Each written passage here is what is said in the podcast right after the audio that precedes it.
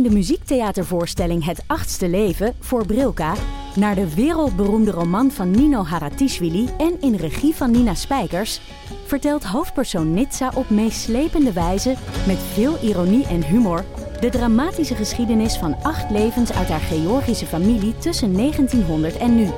Een hartverscheurend en tegelijk troostrijk drama verteld vanuit het perspectief van vrouwen uit verschillende generaties. Waarbij het publiek meegenomen wordt op een emotionele, visuele en muzikale reis door de 20ste eeuw. Koop je tickets voor het achtste leven via oostpol.nl. Schaamteloos Randstedelijk is dé podcast voor jonge mensen in de stad op zoek naar houvast. Iedere aflevering houden wij, Doortje Smithuizen en Perre van den Brink, de jonge steling spiegel voor. Hoe erg is de wooncrisis voor millennials? En kan je eigenlijk nog wel vlees eten? En is natuurwijn helemaal super of is het totaal overbodige luxe? Wij zijn jouw gids binnen de Randstedelijke bubbel. Luister nu naar onze podcast Schaamteloos Randstedelijk. Overal waar jij je podcast luistert. Dag mensen die het zien. En hallo mensen die het gewoon niet zien. Je luistert naar Damn Honey. De podcast over shit waar je als vrouw van deze tijd mee moet dealen. Mijn naam is Nidia. En ik ben Marilotte. En dit is aflevering 111. En vandaag gaan we het hebben over het eerlijk verdelen van zorg- en werktaken. Wat iedereen wenst, maar in de praktijk zijn we er nog lang niet. Nog lang niet. Lang niet. Dat gaan we doen met iemand die er heel, heel veel van af weet. Coach, trainer en auteur Ragna Heidweiler. Die een handboek schreef voor een nieuwe rolverdeling. En het boek heet, geweldige titel, In voor- en tegenspoed, maar alleen als jij de afwas doet. Met anekdotes van partner Samuel Levy. Dus eh, hij heeft ook bijdrages geschreven.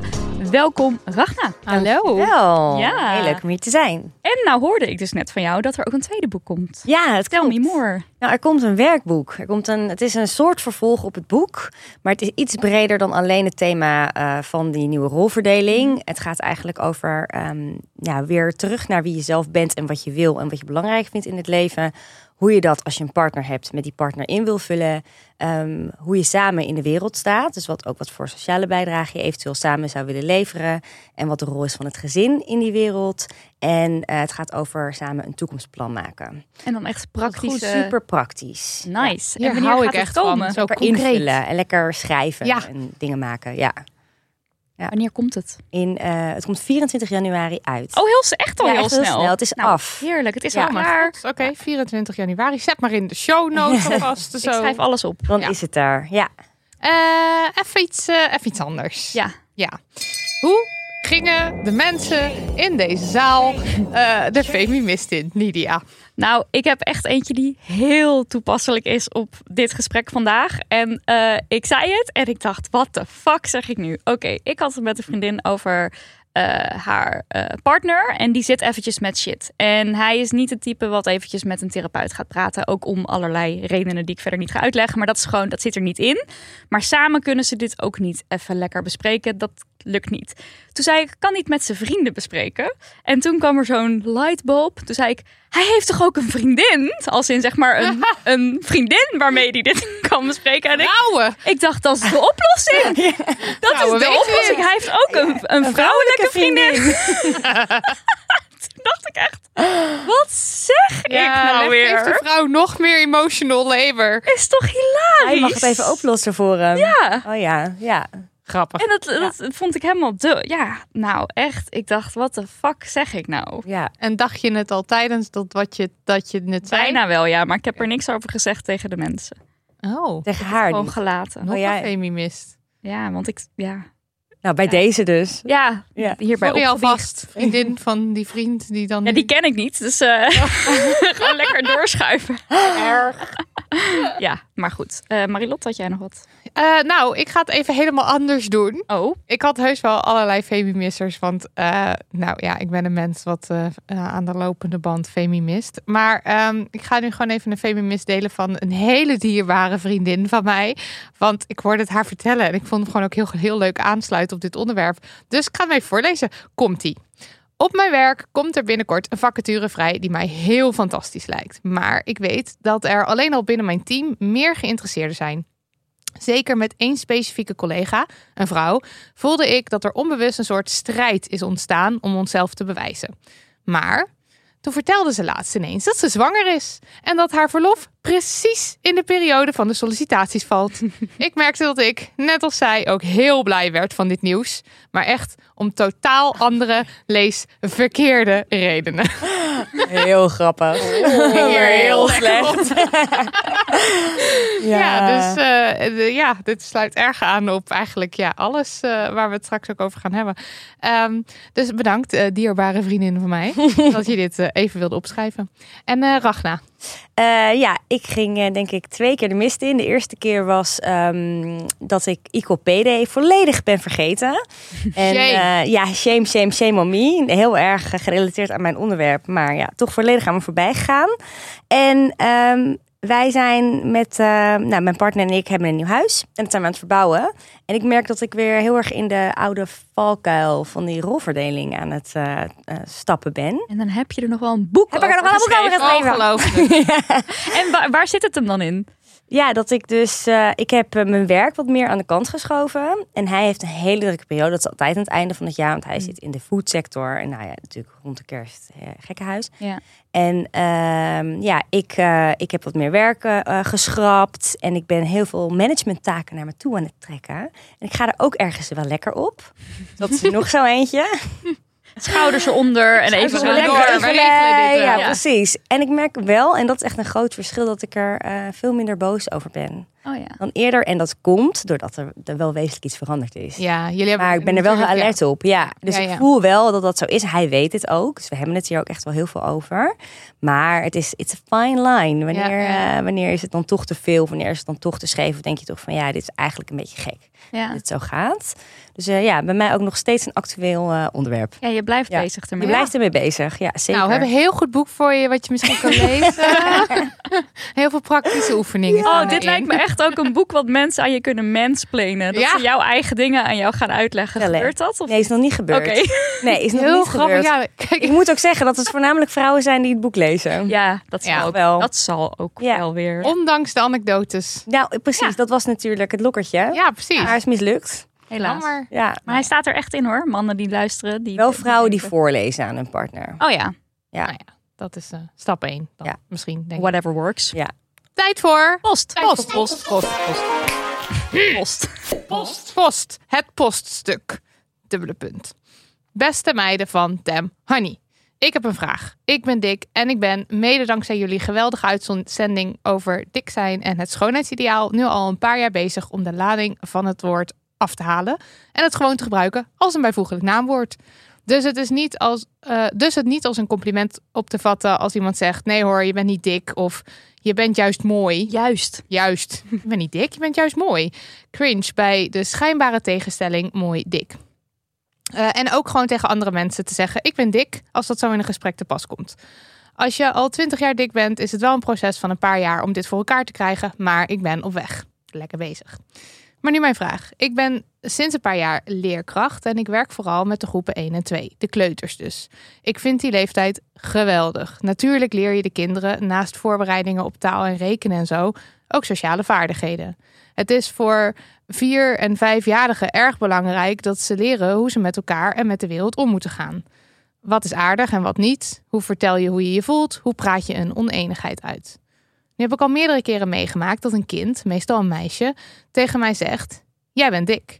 Als ze zo klein zijn, kunnen ze het nog- neutraal bedoelen, maar ik vermoed dat er al een klein waardeoordeel in zit dat ze hebben meegekregen uit onze maatschappij. Ik beaam dan dat ik dik ben, maar ik betrap mezelf erop dat ik ook tegen ze zeg: Maar hey, is dat aardig om te zeggen? En zij zeggen dan nee, en ik zeg dan: Zeg het dan maar niet meer. Dit doe ik omdat de meeste dikke mensen, slash vrouwen in onze maatschappij, niet dik genoemd willen worden. Het is niet sociaal wenselijk dat kinderen dit hardop zeggen, terwijl ze wel mogen zeggen: Jij hebt een rode jas aan. En het misschien wel net zo neutraal bedoeld is. Dus als een kind zegt dat ik dik ben, of dat iemand anders dik is, kan ik dat dan gewoon beamen als een neutraal iets? Of moet ik het afkeuren dat ze het hardop zeggen, omdat het nou eenmaal is hoe onze maatschappij werkt? Wat vinden jullie? Lieve groetjes van Martine. En even een fun fact. Op de dag dat deze podcast verschijnt is Martine jarig. Dus gefeliciteerd. Hyper de piep! Martine, yay! Gefeliciteerd. Ja, dit is een verschrikkelijk moeilijke vraag. Ja, ik heb hier echt lang over na zitten denken. Maar wij hebben ook geen kinderen. Dus Nee. ik hoop gewoon heel erg dat het, het naar verlossende woord. Oké. Ja. Ja, nou, ik vind het wel grappig wat ze aan het einde zegt. Van, eh, moet ik hier neutraal op reageren of moet ik het afkeuren? En ik denk eigenlijk dat het misschien allebei niet hoeft. Eh, ik denk dat het voor een kleuter wel heel lastig is om... Kijk, de maatschappelijke context eh, is lastig mee te geven aan een kleuter. En niet alle kleuters... Sommigen zeggen dat ik geloof empathie pas, weet ik, vanaf vijf of zes echt ontwikkeld raakt. Ehm, dus ja, kleuters verschillen daar ook heel erg in. Sommige kleuters kunnen zich best wel inleven. Maar wat je natuurlijk heel goed kunt doen, is het persoonlijk eh, benoemen en aangeven van. ehm, eh, nou, ja, ik kan in ieder geval het wat breder trekken. Van soms vinden mensen het niet leuk als je iets zegt over hoe ze eruit zien. Dan Oh ja. maak je het ook wat breder dan alleen maar Precies. het dik zijn. En dan zeggen wat je er zelf bij voelt of vindt. Dus ik vind het niet zo fijn als je daar iets over zegt. Zou je dat niet meer willen doen? En ehm, dan heb je eigenlijk niet neutraal gereageerd en je hebt het ook niet afgekeurd. En benoem je veel meer wat, wat het met jou doet, dan dat je zegt, ja, wat jij doet is niet goed. Mhm. En eh, ik denk dat eh, zelfs een kleuter wel het verschil aanvoelt daarin. Ja, Dus afkeuren en benoemen hoe het ook anders zou kunnen. Ehm, en ik zou dat gewoon blijven herhalen. Ehm, ja, dus dat was, dat was mijn gedachte hierover.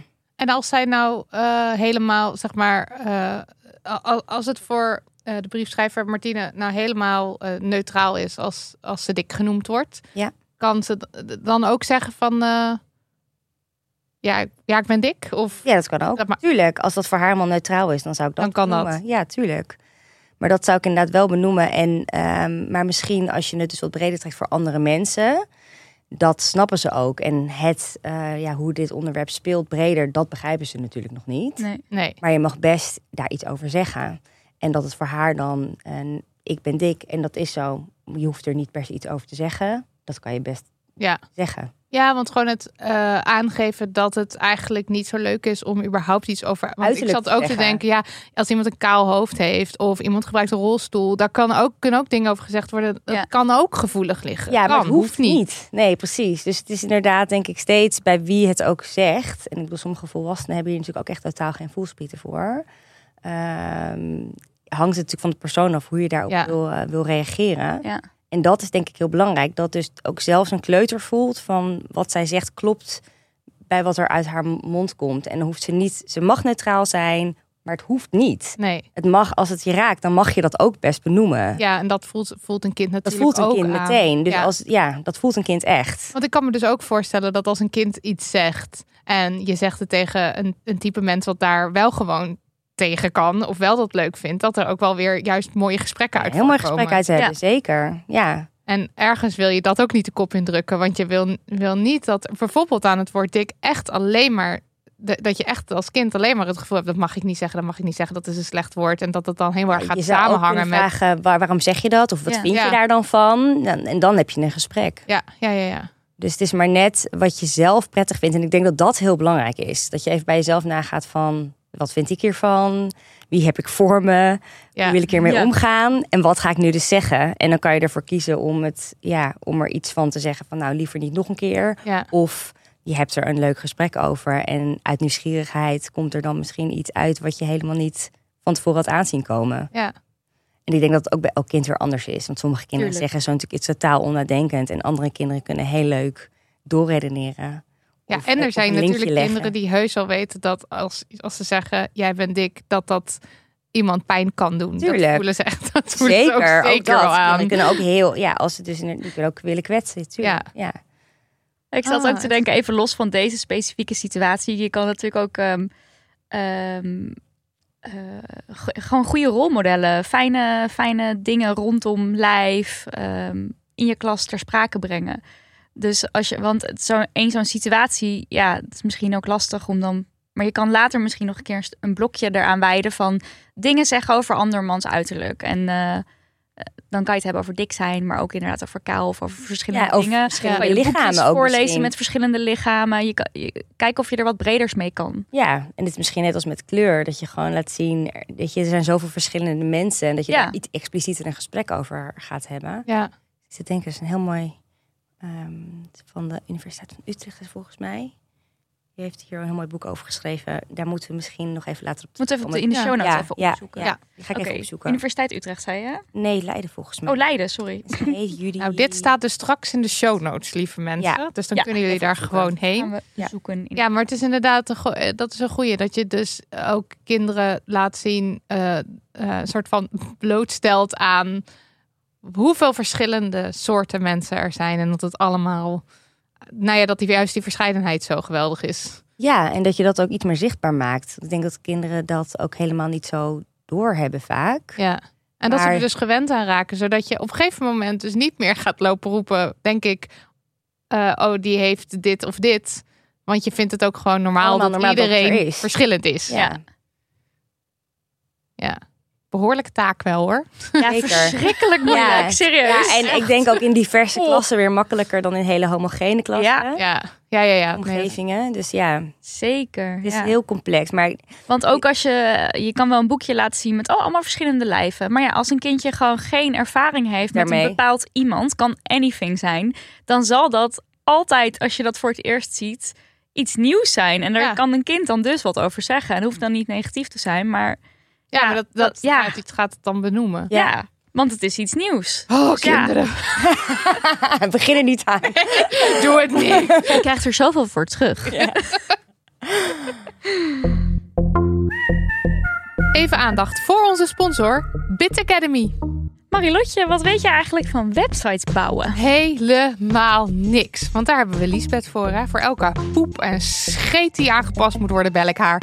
Sorry, Liesbeth. Nou, op zich is dat natuurlijk heerlijk hè, om een Liesbeth te hebben. Mhm. En dat zij het dan allemaal kan en doet en zo. Maar je kan het dus ook zelf leren bij Bit Academy. Wat? Op je eigen tempo leer je met gemotiveerde medestudenten en de hulp van coaches die zeven dagen in de week beschikbaar zijn, de techvaardigheden van de toekomst. Zoals het bouwen van een website. En dat doe je dan in de opleiding tot webdeveloper. Bij deze ICT-opleiding ben je bezig met het ontwikkelen van programma's, websites en onderdelen hiervan. Voor je het weet, ben je een Liesbeth. Oh my god. Ja, en dat zonder voorkennis. Dat kan dus, hè? Zoals jij, je weet niks. Ongelooflijk. Jij kan gewoon, je weet niet wat Jarvis is. Nou, op Je weet niet wat. CSS-files zijn. HTML. Git. HTML, paginastructuur. Je leert het allemaal, de nieuwste technieken van begin af aan. En dan vooral door te doen. Wat ik ook echt een prettig iets vind. Absoluut. Leren door te doen. Lekker concreet. Eh, de opleiding tot webdeveloper developer is volledig online. En je kunt je eigen tijd indelen. Dus het enige wat je nodig hebt is een laptop, een internetverbinding. En eh, je bent good to go. Hmm, En hoeveel kost het dan? Vraag je je nu af. Nou, dat is een goede vraag. De opleiding tot webdeveloper kost 1000 euro. En dat bedrag staat toevalligerwijs gelijk aan het stapbudget. En dat is een budget van de overheid. Eh, een, een subsidie die je als werkende of werkzoekende kunt aanvragen om gratis een opleiding te volgen. En op de site van Bit Academy staat uitgelegd hoe je die subsidie aanvraagt. Dus in principe is de opleiding gratis, onder voorwaarden. Betekent dit dat eh, jij je gaat laten omscholen? Ik zit te denken of ik in de aanmerking kom voor dat stapbudget. Ik denk het wel. Je bent toch werkend? Nou, let's go, denk ik dan. Ga naar www.bit-academy.nl om je aan te melden voor een opleiding. Eh, of check de show notes van deze podcast voor een directe link. Groetjes, Liesbeth.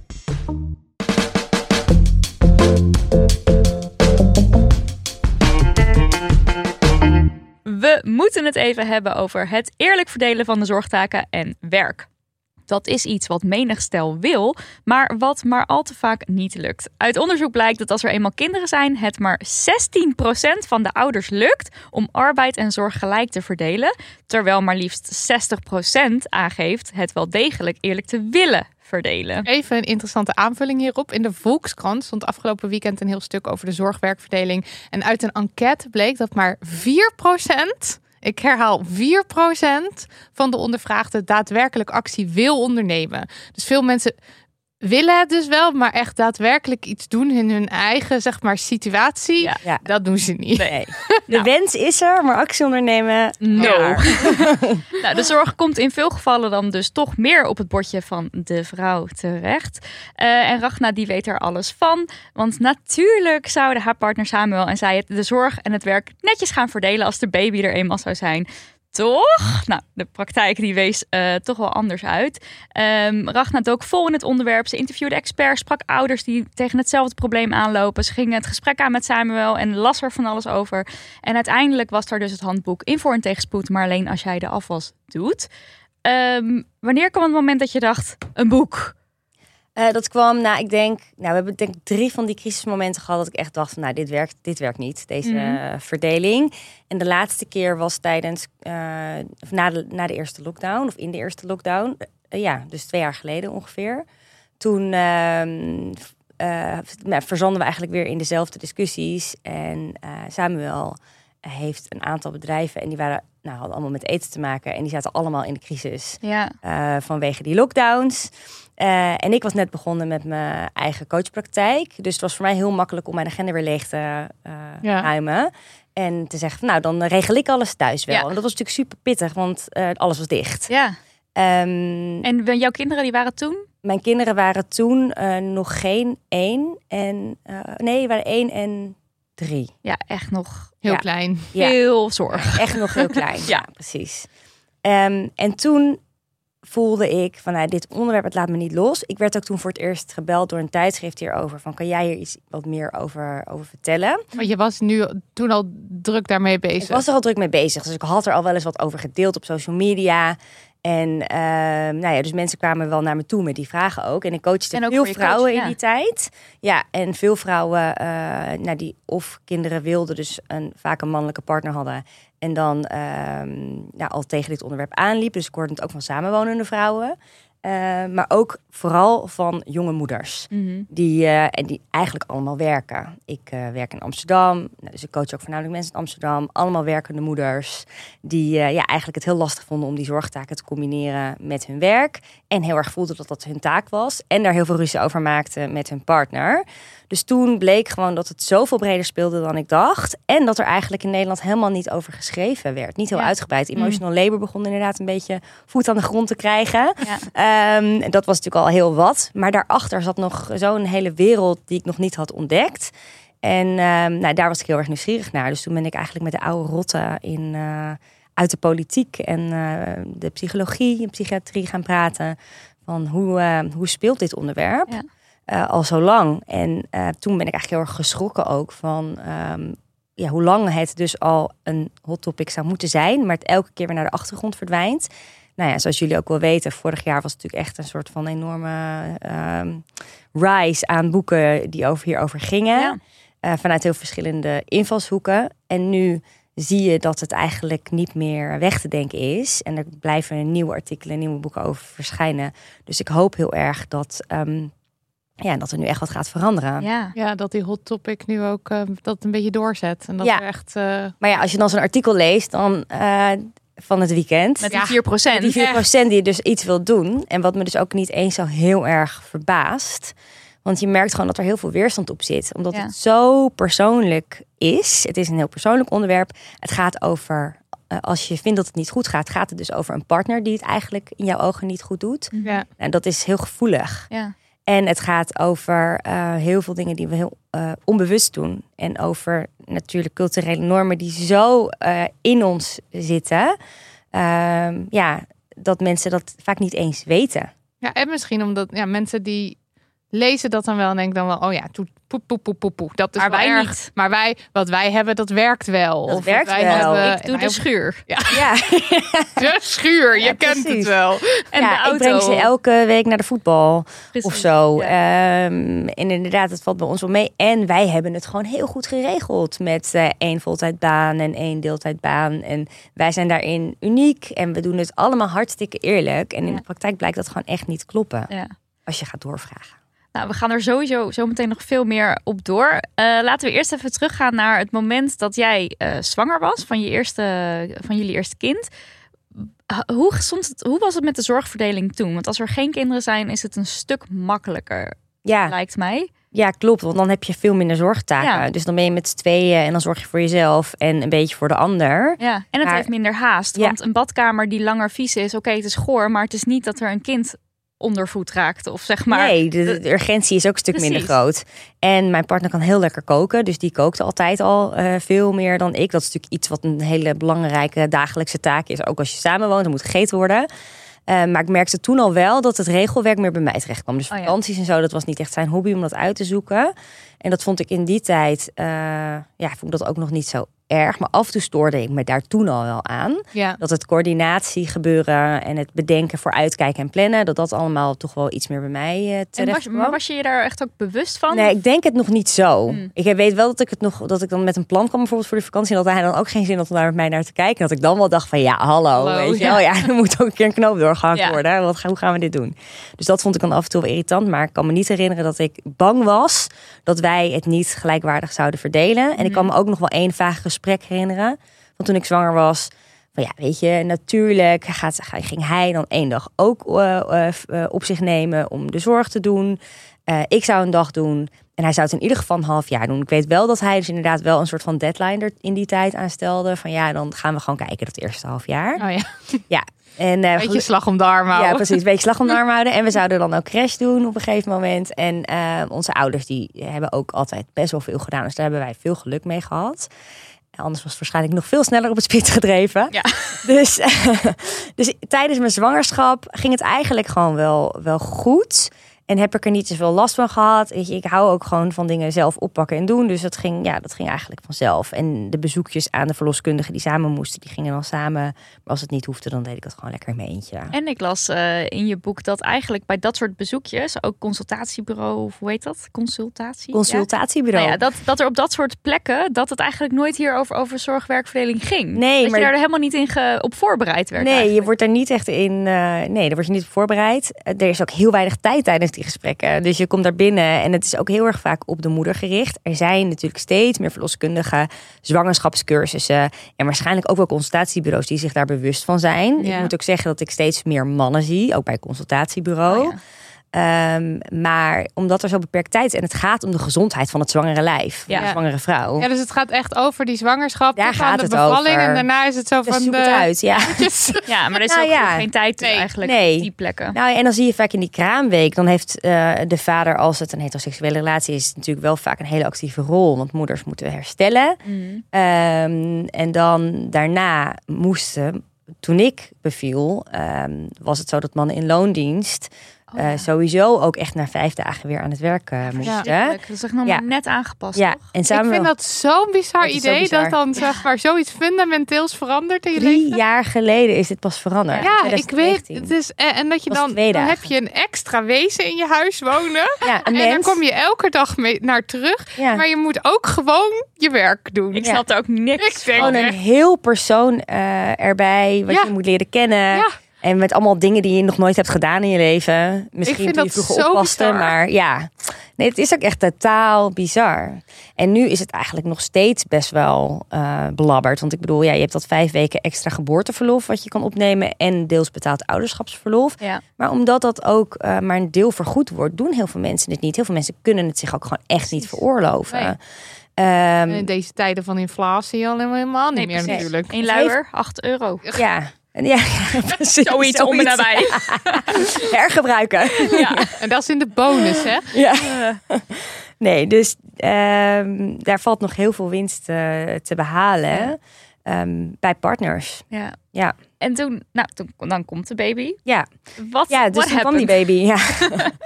Eh, nou ja, ten eerste, ehm, nou, omdat Samuel zich ook verantwoordelijk voelde voor dat werkstuk, moest hij toch weer sneller aan het werk dan hij eigenlijk zelf had gepland. Ja. Nou, dat vond ik toen al best wel zuur.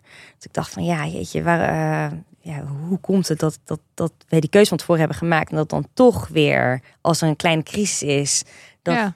eh, terwijl ik hier lig, ik had een stuitbevalling gehad, dus ik was er ook best wel slecht aan toe, Mhm. eh, dat, dat, dan, dat dat dan voorrang krijgt. Ehm, en ik merkte vooral ook weer, nou eigenlijk die weken daarna, dan voelt dat dus ook heel vanzelfsprekend dat ik natuurlijk alles beter in de vingers kreeg. Mhm. Dus ik Ja. werd veel handiger, weet je, of het nou met troosten was of eh, aankleden. En daarbij moet ik ook kanttekening maken. Dit is ook iets wat Samuel in het boek omschrijft. Van er werd hem ook veel uit handen genomen. Dus als hij er dan wel was, dan Ja. was ik dus ook degene die het sneller naar me toe trok. Of Ja. mijn moeder of zijn moeder. Eh, die ook het gevoel hadden van alle vrouwen om hem heen. Van wij kunnen dit toch ook beter dan jij. Ja. Dus in de tijd dat hij er dan wel was, wat veel minder was dan ik, dan kreeg je minder de kans. En toen ging ik weer aan het werk en toen merkte ik eigenlijk van ja, het blijft zo. Ja. Dus Ja. ik eh, weet wanneer afspraken zijn bij het consultatiebureau. Ze had iets aan haar heupjes, moest weer naar het ziekenhuis. Eh, ik was degene die dan eerder ehm, die afspraken op me nam. En dan moest je de afspraak plannen, maar dan moest je ook mee daarheen. Plannen deed u dat mee. samen? Ja. Ja, nou, naar het ziekenhuis weet ik nog de eerste keer wel samen. Maar ik ben ook wel eens met zijn moeder geweest. Of eh, naar het consultatiebureau toch, dat ik vaker ging. Dat is in het begin best wel intensief. Ehm, en dan op een gegeven moment moet er een crash geregeld worden. Dus dan ga je dat researchen. Dan ga je die afspraak maken. Dan ga je bij meerdere crashes kijken. Ja. En dan was er vaak wel één afspraak dat hij dan meeging. Maar het, het leeuwendeel deed ik. Ja. en die taak is dan toch, omdat jij, jij doet dat onderzoek, jij doet dat. Die taak is dan iets voor jou om, om af te maken of zo. Dat jij hebt, jij hebt het eigenaarschap van die Ja, taak. precies. En dat is ook denk ik wat heel veel vrouwen wel herkennen. Is dat je dan s'nachts in je bed eh, of 's avonds eh, na tien uur nog al die dingen loopt te researchen. Want tussendoor overdag heb je daar ook geen tijd voor. En dan maak je die afspraak en dan ga je dus helemaal van A tot Z doen. Ja, Vervolgens ben jij dus op de hoogte en weet je ook wat vervolgens de juiste volgende stap is. Eh, welke scholen er vervolgens, vervolgens bijvoorbeeld bij passen. Ga je Ja. dat weer onderzoeken.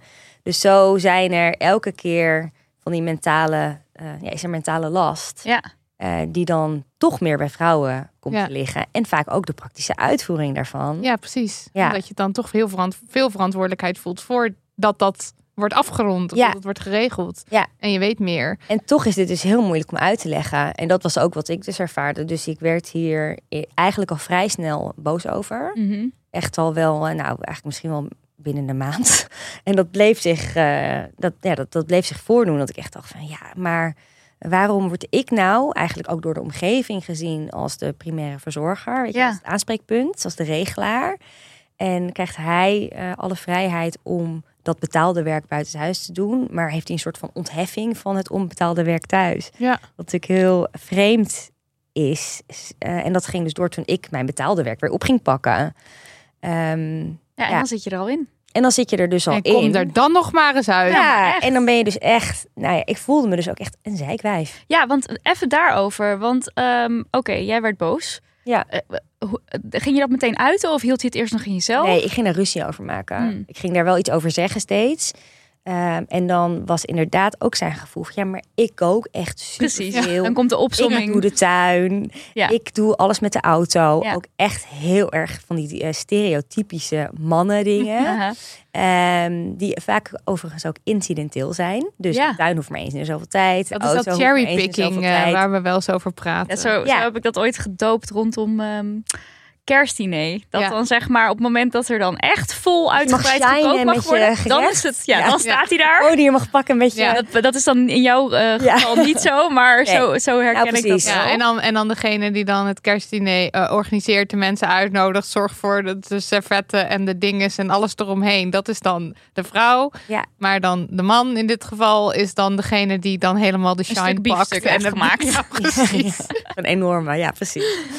Ja, en dat, eh, en weet je, inderdaad, het was ook echt niet zo dat hij niks deed. Nee, maar dat is- his defense. Dat is natuurlijk Maar- nooit. Het zou nooit vrijwel zo. nooit zo zijn Nee, dat, dat een man vrijwel nooit niks zo. doet. Nee. Nee. natuurlijk niet. Nee, en er zijn altijd wel dingen die inderdaad bij je passen. En ik denk dat het ook goed is. Dat je Dat op basis ook. van eh, talent bepaalde keuzes maakt. Ja. Maar feit was wel dat ik meer deed. En, eh, en die discussie bleef gewoon terugkeren. En ik was, was er echt woedend over. Maar is het, want is het iets wat, ehm, eh, wa- wat je onder woorden kon brengen? Want ik kan me dus voorstellen dat omdat je de hele tijd, en ik denk dat dus heel veel mensen dat hebben, dat je dan vast komt te zitten in die, eh, in, in, in die ergernissen, maar dat je dus het vocabulaire of zo niet hebt, of gewoon niet goed onder woorden kan brengen wat het nou precies is Nee. wat er misgaat. Nou, dit is wat er inderdaad bij ons in eerste instantie misging. En eh, ik probeerde het dan uit te leggen en zei: eh, Ik doe dit, jij doet dat, dat is te weinig. En ik wil eigenlijk meer eh, ruimte voor mezelf. En zijn antwoord was dan: dan moet je meer ruimte pakken. Oh ja. En dat was dus een hele ingewikkelde. En daar ging ik eigenlijk het hardst op aan. ja. Want ja, maar ruimte pakken. Iemand moet wel, jij moet mij ook die ruimte geven. Dit Ja, is onze gedeelde verantwoordelijkheid. Ja. Dus dat betekent dat jij een stap naar voor moet doen, zodat ik uit kan, uit mijzelf uit deze situatie kan halen en Ja. die tijd op een andere manier kan gebruiken. En daar liep het eigenlijk steeds stuk. Ja. Dus dat was een hele vervelende discussie. Daar hebben we echt eh, ja, veel ruzie over, over gehad. En op een gegeven moment begon ik dit ook wel echt te delen. Ik merkte dus dat er veel eh, mensen omheen waren die het niet herkenden, maar ook heel veel mensen wel. En uiteindelijk vond ik vruchtbare aarde bij mijn eigen schoonfamilie. Mijn Heerlijk. schoonzusje en mijn schoonmoeder, die het wel herke- herkenden. En mijn schoonzus die kwam toen met een podcast eh, van Dear Sugars over emotional labor. Ja, en dat is nog steeds echt een paal, die podcast. Want die breekt gewoon eh, dit gesprek open. Daarin kwam dat concept van emotional labor voor mij voor het eerst echt binnen. Dat ik dacht, oké, het Dat is, is dus het. iets. Ja. Er is iets waar we geen woorden voor hebben, wat je niet ziet, maar wat er daadwerkelijk is. Ja. En toen kon ik dat aan hem uitleggen. We hebben hem sterker nog samen geluisterd. Ja. En zelfs toen na die podcast kregen we meteen weer ruzie erover. Maar het was de opening. Want hij Ja. zei toen voor het eerst, was ten eerste waren het een man en een vrouw die dat bespreken natuurlijk in die podcast. En ehm, het ging over andere mensen Ja. in een veel beluisterde grote podcast. En hij begreep toen voor het eerst, dit is geen individueel probleem. Precies. Het is een universeel probleem. Ja. Ja. En zoveel mensen lopen hier tegenaan. Ja. En dat is echt, denk ik, wat heel veel mensen denken. En daarom vind ik het ook nog steeds zo belangrijk om erover te praten. De meeste mensen denken dat zij de enige zijn die hierover bekvechten op deze manier. Of die, eh, ja, die hier tegenaan lopen. Ja. En dat is gewoon echt niet zo. Het is echt bij heel veel mensen op een of andere manier, op een bepaald niveau, is dit een issue. Ja. En het kan inderdaad 20-80 zijn, die verdeling. Het kan bijna 50-50 zijn. Het is altijd weer opnieuw zoeken naar wat werkt voor ons. Ja. En eh, tot op welke hoogte eh, zijn onze keuzes eigenlijk gebaseerd op verwachtingen eh, ja, vanuit culturele normen en de maatschappij. En hebben we hier helemaal niet zelf voor gekozen. Ja. Ja, en dat was dus echt eh, een heel belangrijk kwartje wat bij ons beiden toen is gevallen. En dat heeft eh, voor het eerst ervoor gezorgd dat hij eh, het veel serieuzer nam. En ook, weet je, hij is dus heel erg bereid om het hierover te hebben. Altijd geweest. Alleen de discussie liep steeds spaak, omdat Ja. we dus niet het vocabulaire hadden. Ja. Dat hadden we vanaf dat moment wel. En toen? En toen, eh, Nog eventjes weten hoe deze de, hoe Ja. dit nou afloopt. nou ja, toen hebben we echt gesprekken gehad, meer met vooruitziende blik op vakantie bijvoorbeeld gekeken naar van hoe eh, verloopt de periode na die vakantie en hoe kunnen we ervoor zorgen dat we die eh, taken beter verdelen, Hm. onder andere. Maar ook gewoon een soort van algehele relatie APK van hoe gaat het met ons en wat willen we? Want toen kregen we ook weer een beetje de ruimte het eerste jaar dat we een kind hadden. Nou ja, dit zullen ook veel mensen herkennen. Dat was ons brein gewoon een soort van mist. Ja. En toen konden we weer een beetje nadenken. Konden we ook weer wat meer aandacht voor elkaar hebben. En toen zijn we echt oh, naar dat gehele plaatje gaan kijken van... eh, nou, hoe willen wij onze dagen leven samen? Want hoe wil je aan het einde van de rit dat je terug kan kijken? En eh, dus daar hebben we echt een beetje gaan, een beetje gaan uitzoomen. En toen hebben we een planning gemaakt ehm, van hoe we de dingen zouden verdelen. Ik, voor mij was bijvoorbeeld ook een heel belangrijk punt dat ik wilde... Hij wilde heel graag bijvoorbeeld ehm, de moment dat we weg waren oplossen met oppas. Mm. Wat voor mij heel belangrijk was dat hij dan soms ook zei van nee, maar ik doe dat. Want dat gaf mij een ander gevoel. Ja. En dat was een van die concrete dingen die we toen hebben besloten. Van oké, weet je wel, we doen weet ik het maximaal zoveel keer in de avond oppas. Oh ja. Ehm, dus dat soort keuzes konden we toen veel beter maken. Eh, en wat er toen gebeurde is dat ik te zwanger raakte van ons tweede kind, onze tweede dochter. En ehm, toen ben ik, eh, toen had ik een kiest in mijn buik en, een, eh, en die begon te draaien. En daar had ik heel veel pijn van. Daar moest ik uiteindelijk ook aan geopereerd worden. En dat betekent dat ik echt, na de laatste twee maanden van mijn zwangerschap, was ik gewoon volledig uit de running. En toen Lag je ook echt in het ziekenhuis? toen lag ik een ja, maand in het ziekenhuis. En daarna nog een maand gewoon thuis. Moest ik rust houden. Dus ik kon Mhm. helemaal niks. En toen kwam dus alles bij hem te liggen. Toen moest hij wel. En toen moest hij wel. Ja. Ja. En toen heeft hij dus echt gevoeld... Oké, Dit is Dit wat jij is doet. het. Ja. dus na het idee van... Oké, nu snap ik het. Er is dus een mentale last. Ehm, die moeten we beter verdelen. Ja. Plus er is nog de praktische uitvoering van alle taken die gedaan moeten worden. Oké, in theorie allemaal hartstikke leuk. Toen was het ook echt zo. Toen Ja. moest hij alles doen. En ik kon niks want ik kon niet eens nadenken. Ehm, en toen moest hij het allemaal oplossen. En dat heeft hij zelf ook echt heel erg als het keerpunt eh, altijd genoemd. Want toen eh, voelde ik hoeveel het was. Ja. Om te bedenken wie waar moest zijn, op welk tijdstip. Om eh, mezelf en mijn kind aangekleed en op tijd ergens te hebben met eten in een bakje. Ja. Uh, Ja. S'avonds ook het eten eh, te regelen. De, te coördineren met opa's en oma's die heel erg ook hielpen in die periode. ja, dat vond ik Bij ook mij een te goeie. zijn. Dat jij dan bij je ochtendroutine zegt van ehm, het sociaal doen, het leuk doen tegen degene die lief eh, komt te oppassen. Ja. En dat is ook zo'n belangrijke taak natuurlijk. Want ja, als jij altijd zo, hier is kind, doe je dag. Ja, dan gaan mensen op een gegeven moment ook het wel zat raken. ja. En dat lijkt me ook precies zoiets waarvan mensen daar niet, niet mensen, dan nu even mannen, daar misschien niet altijd even bewust van zijn. Van dat is ook onderdeel van het takenpakket. Dus ja, ook, dat is mega ook belangrijk. de Dat is- relaties op school, met de ouders, Ja. met de kinderen, Dat met is de allemaal emotional juffen en meesters. Precies, dat Ja. is allemaal emotional. Maar ook ja, weer- zeg dat maar Want je, als je dat probeert uit te leggen, is Ja. het natuurlijk ook van... Ja, maar ik moet ook lief doen tegen opa en oma. Die dan, dan ja, kan je dat, is, dat niet... dat klinkt dus heel drollerig Ja. als je dat zegt, maar het Ja. is wel heel belangrijk. Ja, klinkt. Nee, maar daarom. En dat is natuurlijk ook het hele probleem. Weet Ja. je? Dat je gewoon denkt van jeetje, wat een getut. Echt, eh, Wat een getut. Ja. Echt, ja. ja, wat een het draait ook echt, zo'n huishouden, dat draait natuurlijk ook heel erg op sociale verbanden met andere mensen. En die moet je Volledig. allemaal. Maar elk leven draait daarop. En Precies, dat voel je nog meer als er een kind bij komt. Ja. Omdat dan komt er dus een soort speel in je leven waar heel veel omheen draait. En wat inderdaad helemaal eh, ja, op liefde en ehm, zorg en welzijn is gericht van dat kind. Ja, Ik vind het dus echt zo bizar eigenlijk dat we hier niet les over krijgen. Weet je wel, dat dat niet een soort onderdeel is van, van gewoon het leven. Dat je daar les over krijgt. Ook over de sociale verbanden en over als er een, een nieuw kind in je, in je gezin komt. Hoe dat dan daar... dat samen Nou ja, doet. maar het interessante Ja, is dus, gewoon- die lessen, die krijg je dus wel degelijk vanuit huis mee. Maar je krijgt dus heel vaak vanuit huis mee dat de moeder daar meer mee. Ja, nee, meer- ja, dat snap, ja, dat snap ik. Ja. Maar het is meer, Ja. het is zo... Dat is nou precies het probleem. Want En- als je gewoon vanuit huis dat meekrijgt van...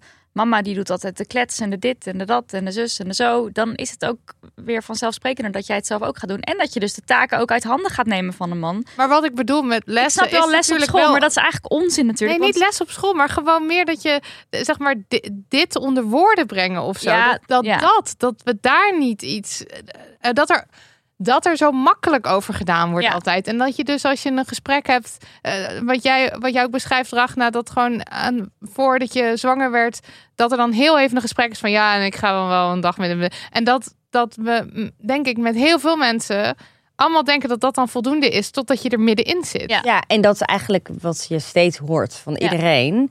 Want je weet, je kan je er bijna niet... Je kan je er natuurlijk wel voorbereiden. Maar iedereen denkt, het gaat gewoon vanzelf. En Ja, je hebt ja. inderdaad die blauwdruk vanuit huis meegekregen. En dat is, lijkt voor de meeste mensen genoeg. Plus de eh, fysieke gezondheidszorg die je krijgt. Ja. Mhm. Maar dat eh, psychologische, relationele stuk... eh, ja, daar is eigenlijk van tevoren heel weinig aandacht voor. En de meeste mensen... ehm, denk ik vanuit ervaring te kunnen zeggen, zijn overrompeld dan toch. Ja. Misschien niet eens in het begin, weet je wel, er is nog veel ondersteuning, maar soms ook veel later, als een kind er al langer is. Ja. Ehm, dat, je, dat er eigenlijk dat er veel meer nodig is dan je aanvankelijk dacht. Mhm.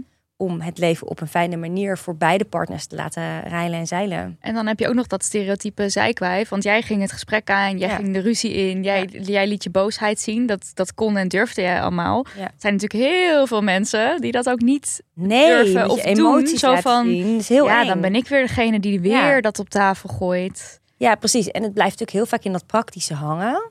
En het gaat vaak natuurlijk ook heel erg over gezien worden, erkend worden. Ehm, Ja, alleen voelen. Ja. Ja. gewoon heel veel eenzaamheid ook. Want ik moet het allemaal eigenlijk alleen doen. En ik word helemaal niet eh, gewaardeerd. Ja, Ehm, dus dan op een gegeven moment merk je gewoon dat de connectie dan ook tussen partners minder wordt. ja. En dat is dus waarom het zo fundamenteel is. En dit speelt bij iedereen. Want iedereen krijgt die enorme ver- vermenigvuldiging van zorg op zijn bord. Dus het, ja, het, is, het speelt echt bij altijd. ja. Ja, en ook als je kijkt naar eh, relaties, ja, wat is het? 40% of zo van de relaties redt het niet. Nee. En dan heb je die afspraak en dan denk je het werkt voor ons, maar dan ga je uit elkaar en oké, dan heb je altijd het onbetaalde zorgwerk op je genomen. Dan ben je misschien helemaal niet financieel eh, onafhankelijk. Nee, en dat is inderdaad een heel erg groot risico. En de keerzijde voor mannelijke partners is daarvan Ja. Dat ze dagelijks contact met hun kinderen vaak kwijtraken. Omdat er Ja. lang niet iedereen gaat dus voor co-ouderschap. Want heel veel vrouwen hebben daar ook dus helemaal geen zin in. Het is, want in jouw boek eh, noem je het woord, ehm, en dat kwam van iemand anders, van zorgzelfstandigheid. Ja, die zorgzelfstandigheid Ja. in de vingers krijgen. Solo care is ook wel een term Ja, die solo gebruikt Ja. eh, en dat is dan wordt. dus zeg maar dat, dat wat zeg maar eh, in dit geval, dus in dit gesprek, de vrouw een soort van eh, op een hele natuurlijke manier best wel heel erg in de vingers krijgt. Namelijk de zorgtaken en dat delegeren en bla bla bla, alles. Dat krijgt een, de man in dit gesprek dus niet mee. Nee, nou ja, het is dus zo dat die solo care gaat er echt over dat je alleen voor je kind zorgt. Ja. Dus zon, eh, eh, in afwezigheid van de andere partner. Ja. Of dat nou een man is of een vrouw. En die solo care, dat krijgen eh, veel meer vrouwen dus. Omdat ze natuurlijk veel langer verlof hebben. Dus daar begint het al mee. En dan vaker, 75% van de vrouwen in Nederland werkt deeltijd. Ja. Ehm, dus dat blijft ook zo. En er zijn eh, heel veel ehm, mannen die eh, dan in het begin een dag zorgen. Eh, maar die dag die sneuvelt vaak in het eerste jaar alweer. Ja. En je ziet dus ook dat er meer vaders werken dan mannen, voltijd werken dan mannen in het algemeen. Ja, dit is dus shocking. Dus Ja, op het moment dat mannen vader worden, gaan zij meer, werken. werken. Vaker voltijd werken. Komt uit de cijfers. Hoe kan dat nou? Wat, nou, nou, Ja, ik, ik het weet het wel. volstrekt logisch. Het is toch heerlijk? Je hebt het hartstikke druk thuis met die kinderen. Je gaat lekker naar je werk achter een bureautje naar de koffieautomaat. Ja, ik denk Ik dat het snap de het wel, combinatie is daarvan, inderdaad, want het is lekker. En Maar geld natuurlijk. Ja, en het is ook inderdaad toch ook heel erg die eh, onuitgesproken verwachting van het kostwinnerschap. Ja. Maar je bent gewoon verantwoordelijk. Er is een gezin te draaien. Daar moet gewoon geld, eh, Ja. en geld in het laadje en brood op de plank komen. En kinderen zijn duur. Kinderen zijn knetterduur. Worden Ja, alleen maar Euro per luier hoorde ik duurder. laatst. Ja, in de bonus. ja, moet je nagaan. Hey, maar heel even, ehm, ehm, heel even over de geschiedenis van de zorgwerkverdeling in Nederland. Ja. Want dat vond ik wel interessant. Ehm, heb jij een soort, eh, zeg maar, kan je iets vertellen over de geschiedenis? Een soort, soort vogelvlucht? Ja, nou, wat ik heel interessant vond om te leren in, het, eh, in mijn onderzoek was dat eigenlijk al sinds de Renaissance er een eh, ideaal is van ehm, nou, zo min mogelijk werken. Eigenlijk gold dat ook voor mannen. Maar uiteindelijk werd dat dus een soort van burgerlijk ideaal dat vrouwen dan thuis voor thuisgrond konden zorgen en mannen gingen werken. En in de industrialisatie zag je natuurlijk dat de reproductieve arbeid, dus het zorgwerk wat zich steeds herhaalt, dat dat thuis achterbleef. En dat de productieve arbeid zich naar de fabrieken verplaatste. Eh, en dat betekende dat de mannen dus in de fabriek gingen werken in Nederland. Want in andere landen is dit ook weer anders. En in Nederland eh, bleven de vrouwen dan eh, thuis. Ja. Als dat financieel haalbaar was. En, ehm, en eigenlijk is dat altijd al lastig geweest. En dat ideaal van ehm, de kostwinner en de zorgende huisvrouw, dat kwam echt binnen handbereik na de Tweede Wereldoorlog, toen Nederland zich economisch weer herstelde eh, en mannen weer genoeg gingen verdienen om een heel gezin in, in het onderhoud van een heel gezin te kunnen voorzien. Dus jaren 50, jaren 60. Eh, toen kon dat ook daadwerkelijk. En dan zie je natuurlijk ook de opkomst van alle huishoudelijke apparatuur. Dus Ja. stofzuigers, wasmachines, dat soort dingen. Ehm, dus het was eigenlijk een teken van welvaart. Ehm, Als als, vrouw, als, de, de, als niet huis hoeft te werken. Ja, niet thuis kon werken. blijven en niet Ja. hoefde te werken. Dus het is gewoon een heel sterk burgerlijk ideaal, wat heel lang heel levendig is geweest. Tot natuurlijk in de jaren zestig de vrouwenbeweging eh, weer van zich ging laten horen, steeds meer. En eh, nou, het onbehagen bij de vrouw van, van Joke Smit onder andere eh, werd geschreven. In Amerika natuurlijk Betty, Betty Friedan met eh, de feminine mystiek kwam. En je zag dat steeds meer vrouwen zeiden van wij worden ehm, onderdrukt. We worden Ja. thuis gehouden en klein gehouden. En krijgen niet de kans om onze autonomie te ontwikkelen en om zich financieel zelfstandig te worden. En, ehm, en vervolgens was het zo dat in de jaren tachtig in Nederland er een economische crisis ontstond. En toen werd deeltijdwerk eigenlijk ook economisch heel interessant. Omdat ehm, er zo weinig werk was, was het interessant om banen eigenlijk in meerdere banen op te splitsen. En konden zowel mannen als vrouwen deeltijd gaan werken. Ehm, werd deeltijdwerk ook ehm, ehm, juridisch. Werd het, je kon vaste contracten krijgen, je kon pensioenen bouwen. Dat kon allemaal niet voor die tijd. Dus voor die tijd was het alleen zo, als je voltijd werkte, dan had je recht op al die secundaire voorwaarden. En eh, pas vanaf de jaren tachtig werd dat eigenlijk veel beter. Maar wat je toen, dus, eh, toen zag, is dat eh, mannen vervolgens, toen de economie weer een beetje opkrabbelde, voltijd weer gingen werken. En dat vrouwen in die deeltijdbanen bleven. Ja. Want het was de oplossing voor de combinatie Ja. van onbetaald en betaald werk. Ja. Dus het is eigenlijk, was het een heel erg eh, ja, een, eh, feministische mijlpaal dat die deeltijdcontracten kwamen omdat toen vrouwen veel meer de kans kregen om te gaan werken. Maar mannen deden dat eigenlijk toen in die tijd ook iets meer. En uiteindelijk is het dus in de, nou, de jaren 90, 2000 werd het juist eh, een symbool voor ehm, nou, een gebrek aan feminisme en ehm, Ja, de financiële Ja. onafhankelijkheid. Omdat vrouwen, wat bleek, is dat nou ja, de arbeidsparticipatie in Nederland is natuurlijk heel erg hoog. Vergeleken met ook andere Europese landen. Maar eh, gemiddeld werken vrouwen minder uren. En daar heeft de overheid iets aan willen doen. En toen is eigenlijk ook eh, in de publieke opinie eh, dat woord deeltijdprinsesjes ontstaan. Ja. En er wordt daar natuurlijk nog steeds heel veel met heel veel dédain over vrouwen die deeltijd werken gesproken. Terwijl het dus ooit is begonnen als een best wel belangrijke eh, emancipatiemijlpaal. Zeker, een hele belangrijke emancipatiemijlpaal. Ja, ik noem het feminisme-mijlpaal, maar inderdaad emancipatiemijlpaal. Ja, dat klopt. En hoe, zou, hoe reageer je dan nu als iemand deeltijdprinsesje of iets? eh, Want ik Ja, voel ik mijn bloed alweer koken. Ja, als nee, ik- dat vind ik echt verschrikkelijk. Ja. Ja, en het is natuurlijk, het is een, hele, het is een heel moeilijk eh, gesprek ook.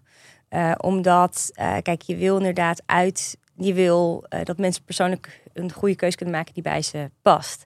Tegelijkertijd wil ik ook heel graag het gesprek hebben over waar komen die keuzes vandaan. Ja. En eh, ik heb dus geen oordeel over eh, vrouwen die eh, deeltijd werken. Alleen is het wel heel erg frappant ehm, dat 75% van de vrouwen deeltijd werken en ongeveer evenveel mannen voltijd. Ja. Ehm, en hoe, hoe komt dat? En wat betekent dat ook voor vrouwen die inderdaad op een gegeven moment hun partner kwijtraken? Of het nou is door scheiding, ziekte of overlijden. Ehm, of ja, en waarom is dat zo dat we in eh, vrouwensectoren zo dat vrouwen zoveel minder verdienen? Of in het onderwijs. Ehm, weet je, dat zijn allemaal dingen die met elkaar samenhangen. Ja. Dus ik vind het eh, op zich is het natuurlijk een hele grote verworvenheid dat we eh, deeltijd kunnen werken. mhm. En het is een verworvenheid die eigenlijk ook voor mannen net zo toegankelijk zou moeten zijn. En het is dus niet het geval. Nee, Want in precies. sectoren waarin mannen werken, ehm, is het vaak helemaal niet bespreekbaar. Nee. Ik geef nu ook trainingen over dit onderwerp. Nou, en dan hoor je gewoon inderdaad in bijvoorbeeld ICT, eh, is het zo, of in productiebedrijven, ehm, kunnen mannen daar ook echt gewoon om, of om uitgelachen worden. Ja. Of nou echt, eh, je hebt geen ambitie, weinig team spirit. Eh, het wordt verwacht. Ja, het kan gewoon. Het mannen is gewoon niet werken. Dat je, dat je deeltijd gaat. Ja. Ja, Ja, en het, eh, en het is natuurlijk wel zo dat het. ehm, want, want het is ook niet de oplossing dat vrouwen gewoon allemaal maar fulltime gaan werken. Nee, want dan ook zou niet. iedereen fulltime werken. En dan, wie gaat dan de zorgtaken doen? Ja. En ja. ik denk wel, want er stond vandaag nog op NOS weer dan zo'n. eh, Zo'n artikel, emancipatie vrouwen gaat beter, maar positie nog niet gelijk aan die van mannen. Het is eh, altijd weer, want ook in dit, in dit artikel was het toch weer dat, ehm, ja, eh, met, met de emancipatie van vrouwen gaat het beter. Maar er wordt niks gezegd over, maar gaan mannen ook meer zorgen? En dat is denk ik, Dat is heel belangrijk, denk ik. Dat je dus inderdaad de zorg ook als onderdeel van een mensenleven gaat zien. Dat werkgevers dat ook echt zo gaan zien. ja, Ja. precies. Waardoor vrouwen niet eh, altijd de sjaak zijn als het komt op het zorgstuk. Want werkgevers gaan er wel van uit dat een vrouw minder gaat werken. Weet je, het wordt eigenlijk al bijna aangenomen op het moment dat een vrouw van rond de 30 solliciteert. Dat ze ooit zwanger gaat worden, ook al heeft ze die intentie nul. Ehm, en als ze zwanger is, dan wordt aangenomen dat ze waarschijnlijk wel minder zal gaan werken. En wordt Ja. dat gesprek ook geïnitieerd door de werkgever. Bij mannen andersom niet. Ja. Eh, en er zijn ook nu steeds meer werkgevers die dat dus wel doen. En die ook bijvoorbeeld aanvullend verlof bieden. Nou, dat zijn natuurlijk hele mooie initiatieven. Ehm, maar mannen die krijgen niet zozeer de kans om te zorgen als vrouwen. En ik denk dat heel veel mannen het ook de, eh, zelf het initiatief niet nemen. Ehm, dus dat eh, ze niet ehm, het durven of het ook niet willen ehm, om die stap te zetten. Ja. Dat is natuurlijk ook die financiële, ehm, dat argument wat je heel vaak hoort. Van ik verdien meer, dus dan is het logischer dat ik blijf werken. Ja. En wat is jouw reactie daarop? Nou, ik denk eh, dat dat een heel kortzichtige manier is van er naar kijken. Eh, omdat het is vaker zo inderdaad dat mannen meer verdienen. Bijvoorbeeld doordat ze wat ouder zijn dan hun eh, vrouwelijke partner. Of omdat ze in sectoren werken waar ze beter verdient, verdienen. Maar eh, ten eerste is het denk ik heel belangrijk om te kijken wat hebben we nodig. Ja. Uh, En ook wat is er voor ons beiden nodig op het gebied van dus carrière, zelfontplooiing en van financiële zelfstandigheid. En dat heeft lang niet altijd te maken met het hoogste salaris. Dus het is een hele makkelijke shortcut om, om de discussie helemaal niet te hoeven voeren. Ja. En te kijken hoe je uh, samen uh, betaald werk en onbetaald werk kunt dragen. Ja. Vooral in zorgintensieve jaren. En dat is niet alleen als je een kind krijgt, maar dat kan bijvoorbeeld ook zijn als je mantelzorg uh, Ja. moet doen voor, voor familieleden of mensen om je heen. Um, en zo zijn er natuurlijk verschillende fases in je leven, waar, waar ook het leven ten opzichte van het betaalde werk iets van je eist, waar je zelf keuzes in kunt maken. Dus ik, ja, het is veel te makkelijk om te zeggen: ik verdien meer dus. Want geld is natuurlijk niet de enige drijfveer om te werken. Ja. Um, maar wel heel belangrijk om een leven te kunnen leiden. En dat kan je dus ook, daar kan je ook op een andere manier invulling aan geven dan die default modus van, nou, dus jij verdient minder. ja. ja. dus ga jij maar minder werken, want je komt er dus nooit meer uit en dan krijg je die inkomensval. En dat is ja, het, maar het vereist wel echt een enorme shift van de hele maatschappij om dus dan niet alleen niet al die waarden toe te kennen aan alleen het betaalde werk, maar dus ook het onbetaalde werk. Ja, ik Ja, hou en niet alleen aan het werk, maar ook aan gewoon tijd. Dus Ja. waarom is iemands tijd meer waard op het moment dat er geld voor in het laadje terugkomt? Ja, ja, ja. wat ik bedoel? Ja, omdat er dus geleefd moet worden en omdat Ja. het status heeft. Ja, Het heeft een maatschappelijk aanzien. Maar dat werk. onbetaalde werk heeft geen maatschappelijk aanzien. Of tenminste, dat nee, heeft dat doe je een gewoon. stuk minder En maatschappelijk dat doe je uit liefde. Uit Ja, de goedheid precies. van je hart. Ja. ja. En, dat, ja, en daar dan kom ik ook weer dat ik het zo bizar vind dat dus ook ehm, banen die te maken hebben met zorgen, zoals de zorg of het onderwijs, dat daar dat die dan ook dat daar een soort automatisch minder salaris naartoe gaat dan wanneer je in het bankwezen of zo werkt. Ja. Omdat er, daar is, er is, we hebben zo'n raar beeld van wat er toe doet eigenlijk. Totaal. En dat zag je eigenlijk natuurlijk tijdens de pandemie enorm Ja, duidelijk. Ehm, hoe belangrijk de zorg is Ja. voor mensen. maar en, En- hoe erg ze genaaid worden daarna ook exact. weer. En dat Ja. ook dus weer keer op keer, zelfs in het proces en met zogenaamde bonussen. Ehm, ja, en het is eh, totaal onbegrijpelijk. Ja. Ik weet niet eens wat ik er nog verder over moet zeggen. Het is Nee, zo het is bizar. Ja. Nou, in die categorie van eh, opmerkingen die je kan krijgen als je dus de discussie aangaat, Ja. eh, zoals ik verdien meer, hebben we natuurlijk ook nog eh, de ik zie het gewoon niet. Eh, wat een man dan kan zeggen. Of vrouwen die ook zelf zeggen, hij ziet het gewoon niet, dus dan doe ik het maar. Ja. Of ehm, een vrouwen die zeggen, ik doe het zelf beter of sneller. Ja, dan zal ik daarmee beginnen. Ja. Met ik doe het beter of sneller. Ehm, nou, dat is waarschijnlijk ook zo. Eh, omdat vrouwen van jongs af aan worden geconditioneerd om dingen op te merken, om aan te voelen, om eh, te zien wat een ander nodig heeft en daar ook naar te handelen. En bij jongens wordt dat veel minder eh, gestimuleerd. Ehm, en ook eigenlijk minder geaccepteerd. Dus dat zie je ook dat eh, bijvoorbeeld bepaalde emoties in jongens. ehm, in meisjes. Meisjes hebben eigenlijk een veel breder scala aan emoties waar ze beschikking over mogen hebben. En eh, bijvoorbeeld woede of ehm, ja, frustratie. Of, dat is bij meisjes veel minder geaccepteerd. En bij jongens nou, is, dat allemaal, is dat allemaal prima. Maar te veel ehm, verdriet laten zien of teleurstelling of angst. Dat mag bij jongens dan weer ehm, minder. Ja. Ik dwaal een beetje af, sorry. Eh, ja, nee, dat, dat leidt dus uiteindelijk tot eh, ik, Hij ziet het niet. ik als meisje, ik als vrouw. Nou ja, dus die conditionering. sneller. Sorry, dus Ja, die conditionering. conditionering. Ja, dus die conditionering is bij vrouwen gewoon heel anders. Ja.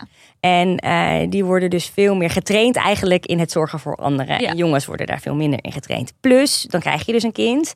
En dan heb je eh, 16 weken verlof. Ja. En een man heeft vijf weken Dan krijg je een soort verlof spoedcursus. eh, Ja, dan krijg je een soort spoedcursus baby eh, Ja. verzorgen. ja. En plus alle andere romstop die erbij komt eh, kijken. Dus er is gewoon, inderdaad, dat, dat kan heel goed kloppen. Maar als je dus de partner niet de kans geeft om ook die ruimte te pakken en het niet ehm, mis durft te laten gaan, bijvoorbeeld. Ja. Ehm, of gewoon zegt van nou, dit is eigenlijk de standaard waar het aan moet voldoen. Daar kan je het samen gewoon over hebben. Van oké, we zijn het allebei over eens dat een luier niet achter tevoren om moet, maar in ieder geval op zijn minst goed moet zitten en dat het kind met sokken naar de crash toe gaat. Ehm, dan laat je het vanaf dat punt ook los. Ja. Dus dat het dan twee verschillende sokken zijn, dat boeit niet. En dit is die zorgzelfstandigheid. Ja, en dat is die zorgzelfstandigheid. Maar het is ook maternal gatekeeping. Daar hebben jullie het Oh ja, ook ja. over gehad. Kijk, en dan ben ik ook altijd weer een beetje eh, voorzichtig met... je moet niet alles dan weer bij die moeder leggen... die dan alleen maar ervoor gaat liggen. Want mannen kunnen ook heel makkelijk zeggen... Oké. oké, prima. Dus het is een heel erg... eh, maar het gaat eigenlijk over het bespreekbaar maken van het mechanisme daaronder. Ja. En dat is... eh, wat vinden wij belangrijk? Hoe vinden wij? eh, waar moeten volgens ons ons gezinsleven en on- de zorg voor ons kind aan voldoen? Samen. En hoe gaan we er samen voor zorgen dat dat dus op een bepaalde manier gebeurt? Oké, op de momenten dat dat jouw verantwoordelijkheid is, is het dus ook jouw verantwoordelijkheid. En laat ik het verder los. En dat betekent dus dat vrouwen die het gevoel hebben dat ze het beter kunnen, op hun handen moeten zitten. Ehm, en dan moeten eh, zien dat hun partner er dus misschien beter in wordt of niet. Ja. Maar Dat dat ge- daar krijg je dus ook iets voor terug, namelijk ruimte Ja. en tijd. En een betrokken partner en een eh, vader-kindrelatie die waarschijnlijk sterker wordt doordat een vader ook dat soort intieme momenten met het kind deelt. Ja. De alledaagse, kleine, soms saaie, vaak saaie momenten. Ja. Ja. Ja, Eh, want dat zorgt ervoor dat je een samen een leven hebt. Een echt Ik leven. geloof ook dat Giselinde Kuipers, de brief waardoor we dachten van oh, we moeten Rachna uitnodigen, eh, die een luisteraar stuurde over ongelijke werk, werk-zorgverdeling. Eh, daar had Giselinde Kuipers, onze gast, toen op gezegd van ga gewoon zo snel mogelijk een weekend weg. Ja. Als moeder zijnde. Ja. Want dan moet hij wel. En dan kan je ook niet zien wat er aan de hand is, wat, wat jou misschien niet aanstaat. Maar dan krijg je dus zorg dan ook dat opa of oma niet wordt ingevlogen door vader. Nee, precies. Ja. Dat dan volgens Geheime-. Ja, Dan dat krijg geheime je, wapen wordt ook nog krijg je een beetje het, het IJsland-effect, maar dan light. Toen ze dan in... Is heel ingewikkeld. eh, Ja, maar ik mensen kan die toch niet heel weten. eventjes uitleggen. Ja. 24 oktober 1975, weten we toevallig. Toen legde in IJsland 90% van alle vrouwen het onbetaalde en betaalde Allebei. en betaalde zorgwerk eh, neer. En ze deden gewoon helemaal fucking niks. Ja. En toen kwam het hele land erachter. Oké, nou dat werk doet er daadwerkelijk toe. Ja. En dat doe je dan eigenlijk ook als je zegt ik ga een weekendje weg. Precies. Of ik ga een maandje in het ziekenhuis liggen. Kan ook. Hè? En Nou ja, het eh, werkt. Ja, het werkt. Want dan worden mensen gewoon heel erg met neus op de feiten. Ja, Ja, er gewoon niet zijn op het moment dat er dingen moeten gebeuren... is best een goede strategie om dat Ja. te proberen. Jezelf uit die situatie verwijderen. Ja, precies. En dan kijken wat er gebeurt. En dan ook als je echt weg bent, dan hoef je ook niet te dealen met, oh, hij doet het niet goed of zo. Want Kan je eh, kan je toch niet zien. En, Nee. eh, en hij ziet het niet. Daar las ik ook een leuk onderzoek in je boek. Dat daar gewoon echt onderzoek naar gedaan is. Van, nou, hier is een foto van een kamer die niet helemaal eh, netjes fris is. Ja. Eens aanwijzen. En dat mannen en vrouwen dat allebei prima kunnen aanwijzen. ja, ze kunnen het allebei prima zien. Ja. Dat doen ze dus ook. Ja, Alleen de, de straf of de, ja, de, de straf die daarop staat voor vrouwen, de sociale straf zou Ja. je kunnen zeggen, is dat zij er wel een opmerking over krijgen En mannen en niet. mannen niet. Dus dat het van mannen wordt geaccepteerd en van vrouwen, die zijn dus eh viezig en rommelig en zorgen niet goed voor het huishouden. ja. En mannen zijn lekker, ja, hij is zo lekker ro- rommelig en Die eh, schat. ja, de schat. Die kan het allemaal niet, joh. Beetje slonzig, geeft Ja. niks. Weten we trouwens hoe het zit met, eh, want we hebben het nu de hele tijd over hetero-koppels, eh, over queer-koppels, over de eh, eh, lesbisch, lesbische mensen. Over lesbisch. Over lesbische Ja, mensen zoals ik. Ja, dat weten we. een beetje. Nou, eh weten dat het in, ehm, in lesbische stellen en homoseksuele stellen... eh, dat, het, ehm, dat de verdeling minder vanzelfsprekend is. Dus er is minder sterk die blauwdruk. Ja. Als je heteroseksuele ouders hebt gehad, tenminste. Dus het maakt waarschijnlijk meer sens om het gesprek te hebben. Dus het gesprek is logischer wel is interessant dat bij lesbische stellen vaak beide deeltijd gaan werken en dus samen meer zorg en samen eh, meer betaalde, betaald werk op zich nemen. En dat bij eh, mannelijke homostellen eh, de mannen vaak meer blijven werken en samen minder zorgtijd nemen. ah, oké. Ja. Maar ik heb het nu, mijn schoonzusje en haar partner, die hebben nu net hun eerste dochter gekregen, twee vrouwen. En daar zie ik het eh, verschil. En die hebben dus samen echt vijf maanden verlof gehad. En, ehm, en ik, het is ongelooflijk wat een groot verschil is met, met eigenlijk alle hetero's. Zij zijn het eerste lesbische stel in mijn omgeving die eh, een kindje hebben gekregen. En het is echt een verschil van dag en nacht met alle hetero-stellen die Ja. ik heb gezien. Dus eigenlijk hoe verder je verwijderd bent van die blauwdruk, ik kan me ook voorstellen dat als je niet in de, in de binaire gendernorm valt, dat je dan misschien nog verder van die Ja, misschien wel, blauwdruk ja. van hoe het hoort, zeg maar, tussen haakjes natuurlijk, eh, bent. Dat je echt helemaal een soort van from scratch begint met het vormgeven van je huishouden en je gezin. En dat het misschien nog wel veel eerlijker verdeeld is. Ja, dat denk ik ook. Maar ja, allebei vijf maanden vrij. Dat is natuurlijk ook echt al een mega verschil. Dat is echt een mega verschil. Ja? Ja. En de een Maar hoe hebben ze dat dienst En gedaan? de ander is eh, ZZP'er. Ja. Eh, en zij heeft dus gespaard voor haar eigen verlof. Ja, en ja. heeft natuurlijk ook een deel verlof gekregen vanuit de overheid. Maar dat is natuurlijk maar deels vergoed. Eh, en de ander werkt wel in loondienst. En zij heeft ehm, ook in goed overleg met haar werk... heeft ze dus haar verlof kunnen verlengen... en het ouderschapsverlof al deels in kunnen zetten. Ja. En zo hebben ze er gewoon samen voor gekozen... om bij die Ja. baby te zijn en Heel haar te leren kennen... elkaar te leren kennen. goed. En ik zie nog steeds hoe zwaar dat dus ook voor hun is. Mhm. En zij werken dus nu niet. Met z'n tweeën. Ja. Moet je nagaan. Nou, Moet je nagaan. Een is nu weer begonnen trouwens. Oh, en, nu dat wel, is, ja. en dan Ja. zijn ze echt weer in zo'n, in zo'n transitiefase. Dan moet je dat dus ook weer gaan integreren in je dagelijkse bestaan. Dan moet, is dat werker buiten huis er ook weer bij.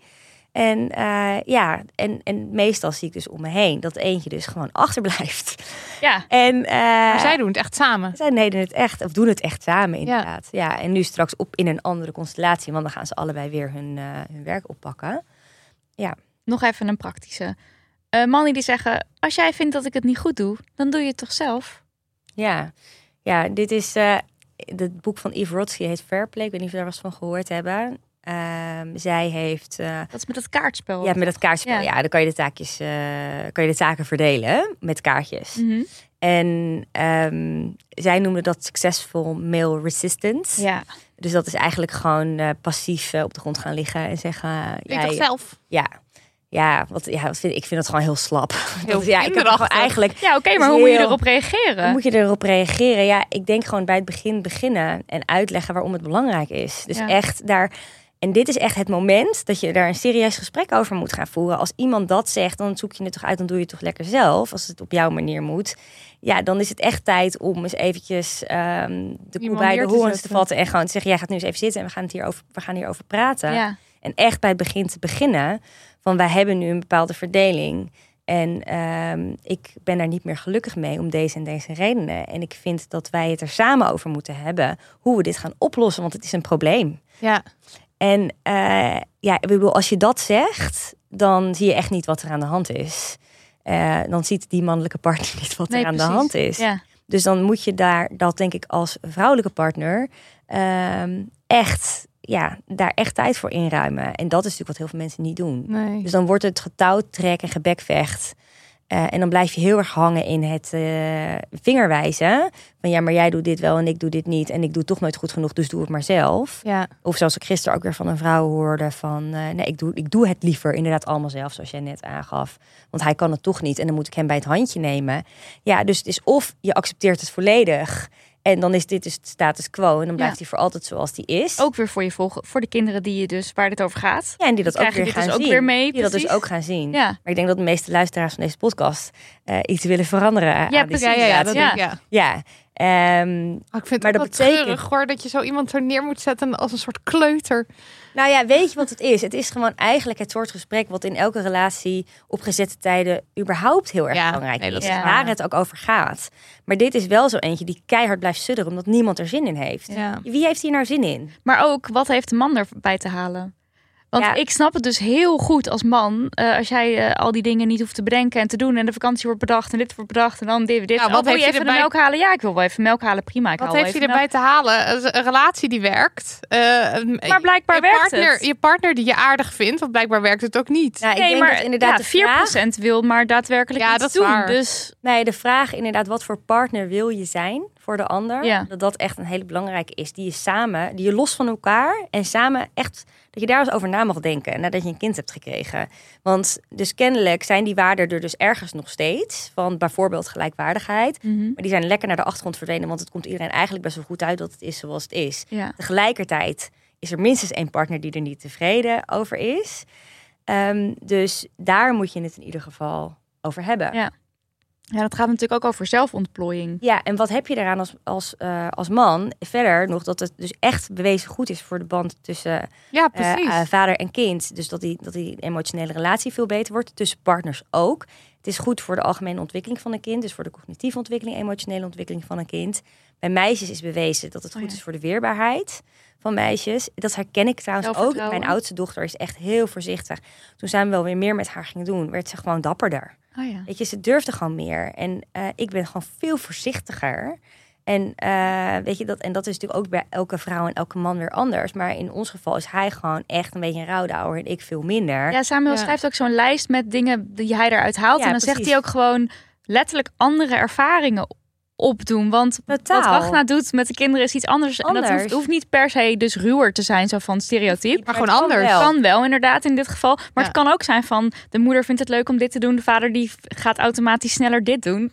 Gewoon heel goed om verschillende perspectieven Ja, ja. en dingen te doen met je kinderen En dat is inderdaad iets waar ik ook net aan moest denken. Helemaal aan het begin hadden we het natuurlijk over van dat we denken dat de moeder de, mm, eh, de belangrijkste verzorger is. Maar we denken ook vaak dat de moeder de enige en belangrijkste verzorger is. Dus heel erg in dat kerngezin. Ja. Alsof je het allemaal zelf op moet lossen. En dat haakt hier erg op aan. Van ik denk dat het sowieso heel belangrijk is om eh, aan heel veel verschillende opvoedstijlen. Juffen die je eigenlijk niet zo leuk vindt. Omdat ze heel anders doen en zijn. En Ja. dingen zeggen waarvan je denkt. eh, weet je wel, hoe ga je daarmee om? Ehm, en in die zin hebben natuurlijk is het gewoon zo dat bijvoorbeeld ook in het onderwijs natuurlijk veel minder mannelijke rolmodellen zijn. Mijn dochter, Mhm. mijn jongste krijgt, krijgt nu voor het eerst een meester. Nou echt, eh, it's unheard of. Het zijn alleen maar juffen. Ja. Maar ik denk, hoe goed is dat, weet je? Het is echt zo belangrijk dat je met verschillende soorten mensen in aanraking Ja. komt als kind. Ehm, Ja, want is- anders krijg je ook alleen maar bevestigd dat de vrouwen weer de zorgrollen Precies. hebben. En de vrouwen jou wel bij het handje nemen. vooral die en- moeder. ja, En weet je wel, zelfs vrouwen die geen moeder zijn of willen zijn, hebben daar last van. ja, precies. Weet je? Ja, en dit is dus ook, want dan kom je weer terug bij dat blijkbaar maar 4% de situatie zelf wil veranderen. Ergens moet je ook beseffen dat, oké, misschien werkt het wel voor jou, maar tegelijkertijd heb je, heb, maak je ook onderdeel uit van een maatschappij waar veel eh, mensen en veel kinderen dus ook denken, oh, eh, vrouwen, dat zijn zorgende types Ja. en die doen dat allemaal. Terwijl als jij actief bezig gaat en je geeft je kind een ander voorbeeld, eh, dan verander je daadwerkelijk iets. Nou ja, precies. En dit vind ik eigenlijk wel een heel belangrijk punt ook. Want eh, kijk, in coaching is het uitgangspunt. Ik ben natuurlijk coach eigenlijk in het dagelijks leven. Is het uitgangspunt, werkt het voor jou, dan is het oké. Ehm, ik denk ook dus van die mensen, die 4% die het niet geen actie willen ondernemen, maar wel de wens hebben om het te veranderen. Dus hopen dat als ze gaan slapen, dat het dan morgen anders Magisch. is. Ja. Ja, ehm, dat ze er dus eigenlijk wel last van hebben. Dus dan is het ten eerste niet oké. maar ten tweede is het natuurlijk gewoon niet oké hoe het nu in de maatschappij ervoor staat. Ja. En hebben we daar allemaal gewoon een aandeel in. Ja, dus dat gaat verder dan je eigen individuele Ja. lachje. Ja. Ehm, en daarin kan je denk ik, en dat is denk ik ook, weet je wel, de, de, de persoon waarmee je aan de keukentafel zit. Eh, dat is ook weer de man die naar het werk toe gaat en daar misschien een hoge functie heeft. En bepaalt over de salarissen van de vrouwen die Ja, meer junior zijn. Of gewoon de vrouwen die naast hem werken. Ehm, als die dat thuis tussen de oren kan krijgen. Van de, dit is ook waar het over gaat. Die gelijkwaardigheid begint hier bij ons thuis. Ja. Dan is er verandering mogelijk. Maar dan moet je dus wel dat durven kunnen aanzwengelen. En eh, daar ook best wel volhardend in durven zijn. Ja. En dat is niet eh, makkelijk. Maar dat is denk ik je relatie onderhouden nooit. Nee. Dus neem het gewoon mee als En, een het, van en de... het is gewoon een enorme verantwoordelijkheid om kinderen te hebben. Ja, Dat is de, ik bedoel niet alleen het in leven houden van kinderen en ze grootbrengen, maar ook gewoon welk voorbeeld geef je en, eh, en wat gaan zij weer doen in de wereld. Oké, dan komen we bij eh, het soort van het laatste stuk, namelijk het aan de slag stuk. Van oké, we weten dat het shit is. We weten dat het anders moet. Ehm, heel concreet, iemand die nu luistert en denkt: oké, ik moet nu, ik wil, wil nu iets gaan doen. Wat, wat zou een eerste stap zijn? Koop het boek. Nou ja, dat is sowieso een eerste stap natuurlijk. koop het boek. Er zitten ook allemaal praktische ehm, opdrachten en zo in. Ja, ze zijn echt eh, heel leuk en verhelderend Ja. ook om te doen. Ja? Ja. Hebben jullie iets gedaan? Nou, wij zijn, eh, we hebben laatst, we hadden toevallig net al over die oefening, maar hij stond ook in jouw boek, wat ik heel leuk vond. En dat is dat je ehm, eh, jezelf afvraagt, moet ik dit nu doen? Ja. Dus. Volgens mij, of moet ik dit echt doen? En dat je dan eventjes op elk woord eventjes een eh, Nadruk legt. nadruk Moet. legt. Dus moet ik dit echt doen? Moet ik dit echt Ja. doen? Moet ik dit echt doen? Moet ik dit echt doen? En moet ik dit moet ik dit echt doen? En dat je dus bij elke vraag eventjes nagaat, klopt Klopt dit? Is dit zo? Kan het ook anders? Die heb jij echt de hele tijd nu. Zit jij er ik echt zit te hem passen? echt te, te passen en te Ja. overal. Ik heb mijn to-do-lijst, want ik kan geen hoofd- en bijzaken onderscheiden. Het is zelfs, eh, maar ik heb mijn to-do-lijst dus echt gehalveerd. Omdat je gewoon op een gegeven moment kan ja, waarom zou ik dit eigenlijk doen? Of waarom Ja. zou ik dit eigenlijk doen? Of waarom zou ik dit eigenlijk doen? Ja, Dus überhaupt. is- ja. moet dit eigenlijk wel gebeuren? En dat is echt, ja, ik vind dat heel relativerend. Maar dat kan dus in je relatie ook goed Zeker. werken. En En, voor loslaten en filteren wat je moet doen in een vol bestaan, wat we denk ik allemaal hebben, eh, is het een super fijne inderdaad. En ik denk dat het daarnaast heel belangrijk is om dus echt, ja, wat ik eigenlijk altijd doe met mensen, is gewoon eens kijken naar wat zijn je, wat zijn je waarden. Wat, eh, wat vind jij belangrijk in het leven? En daar kan je gewoon eens over nadenken. Wat blijkt er uit het werk dat je doet? De manier waarop je omgaat met je vrienden en je familie. eh, je hele levensloop. Wat heeft daarin centraal gestaan? Wat, wat zijn dingen die belangrijk voor je zijn? Ik kan wel een lijst met jullie delen. Ja, ik wou zeggen, Leuk, want ja. eh, Ehm, je dus hebt ook een lijst in je boek Ja, staan. klopt. Die lijst- Mensen kunnen nu misschien denken van, ja, waarde. wa- wa- Ja. wat voor waarde? Ja, wat voor waarde? Nou, Ja. gelijkwaardigheid kan dus een hele belangrijke waarde zijn. Zal ik een paar voorlezen? Ja, doe maar. Eh, nou, leiderschap, overvloed, pionieren, energiek, creativiteit, betrokkenheid, eh, mededogen, contact, zorg. Oh, dit zijn behoeften trouwens. Sorry, ik zit ze nu door elkaar Ja, dit heen te lezen. Ja. Eh, maar dit zijn dus allemaal traditioneel, tolerantie, te- eh, spiritualiteit, spontaniteit. zijn dus allemaal dingen waarvan jij kan bedenken van, nou, dat vind ik nou echt belangrijk in het leven. Maar Ja. ik kan me dus voorstellen, vooral als je dus net jonge kinderen hebt, dat je niet eens meer toekomt aan nadenken over wat je belangrijk is, vindt. Nou ja, ik denk dat dat dus het belangrijkste is. Eigenlijk als eerste stap is tijd hebben voor jezelf. Om hier wel bij stil te staan. Ja. En ook al is het maar, weet je, is het maar een half uur per dag. Waar vind je even de tijd om jezelf te zijn? Ja, En weer even con- contact te maken met wie jij bent. En dat kan op heel veel verschillende manieren. Weet je, je kan eh, even een podcast luisteren die aansluit bij je eigen interesses. Als je helemaal geen brain space hebt om echt even stil te staan. Je kan even gaan schrijven. Je kan even gaan lezen. Je kan een wandeling maken. Je kan eh, met even met iemand bellen. Het kan op zoveel verschillende manieren. Het hoeft niet mediteren te zijn. Mhm. Mag ook. Maar ehm, wat, waar voel je, wanneer voel je jezelf weer? En hoe kan je op een hele kleine manier daar op dagelijkse basis weer even ruimte voor maken? ja, sowieso tijd voor jezelf Tijd voor maken. jezelf Ja. maken. En dat en vooral in het eerste jaar met een kind is dat echt waanzinnig moeilijk. Maar Ja. het kan heel klein. Het kan misschien nog wel kleiner dan dat. Ook al is het vijf minuten. Mhm. Die heb ik ook heel vaak gehoord en gezien. Misschien klein beginnen. Klein Juist. beginnen, heel klein beginnen. Dat is echt super belangrijk.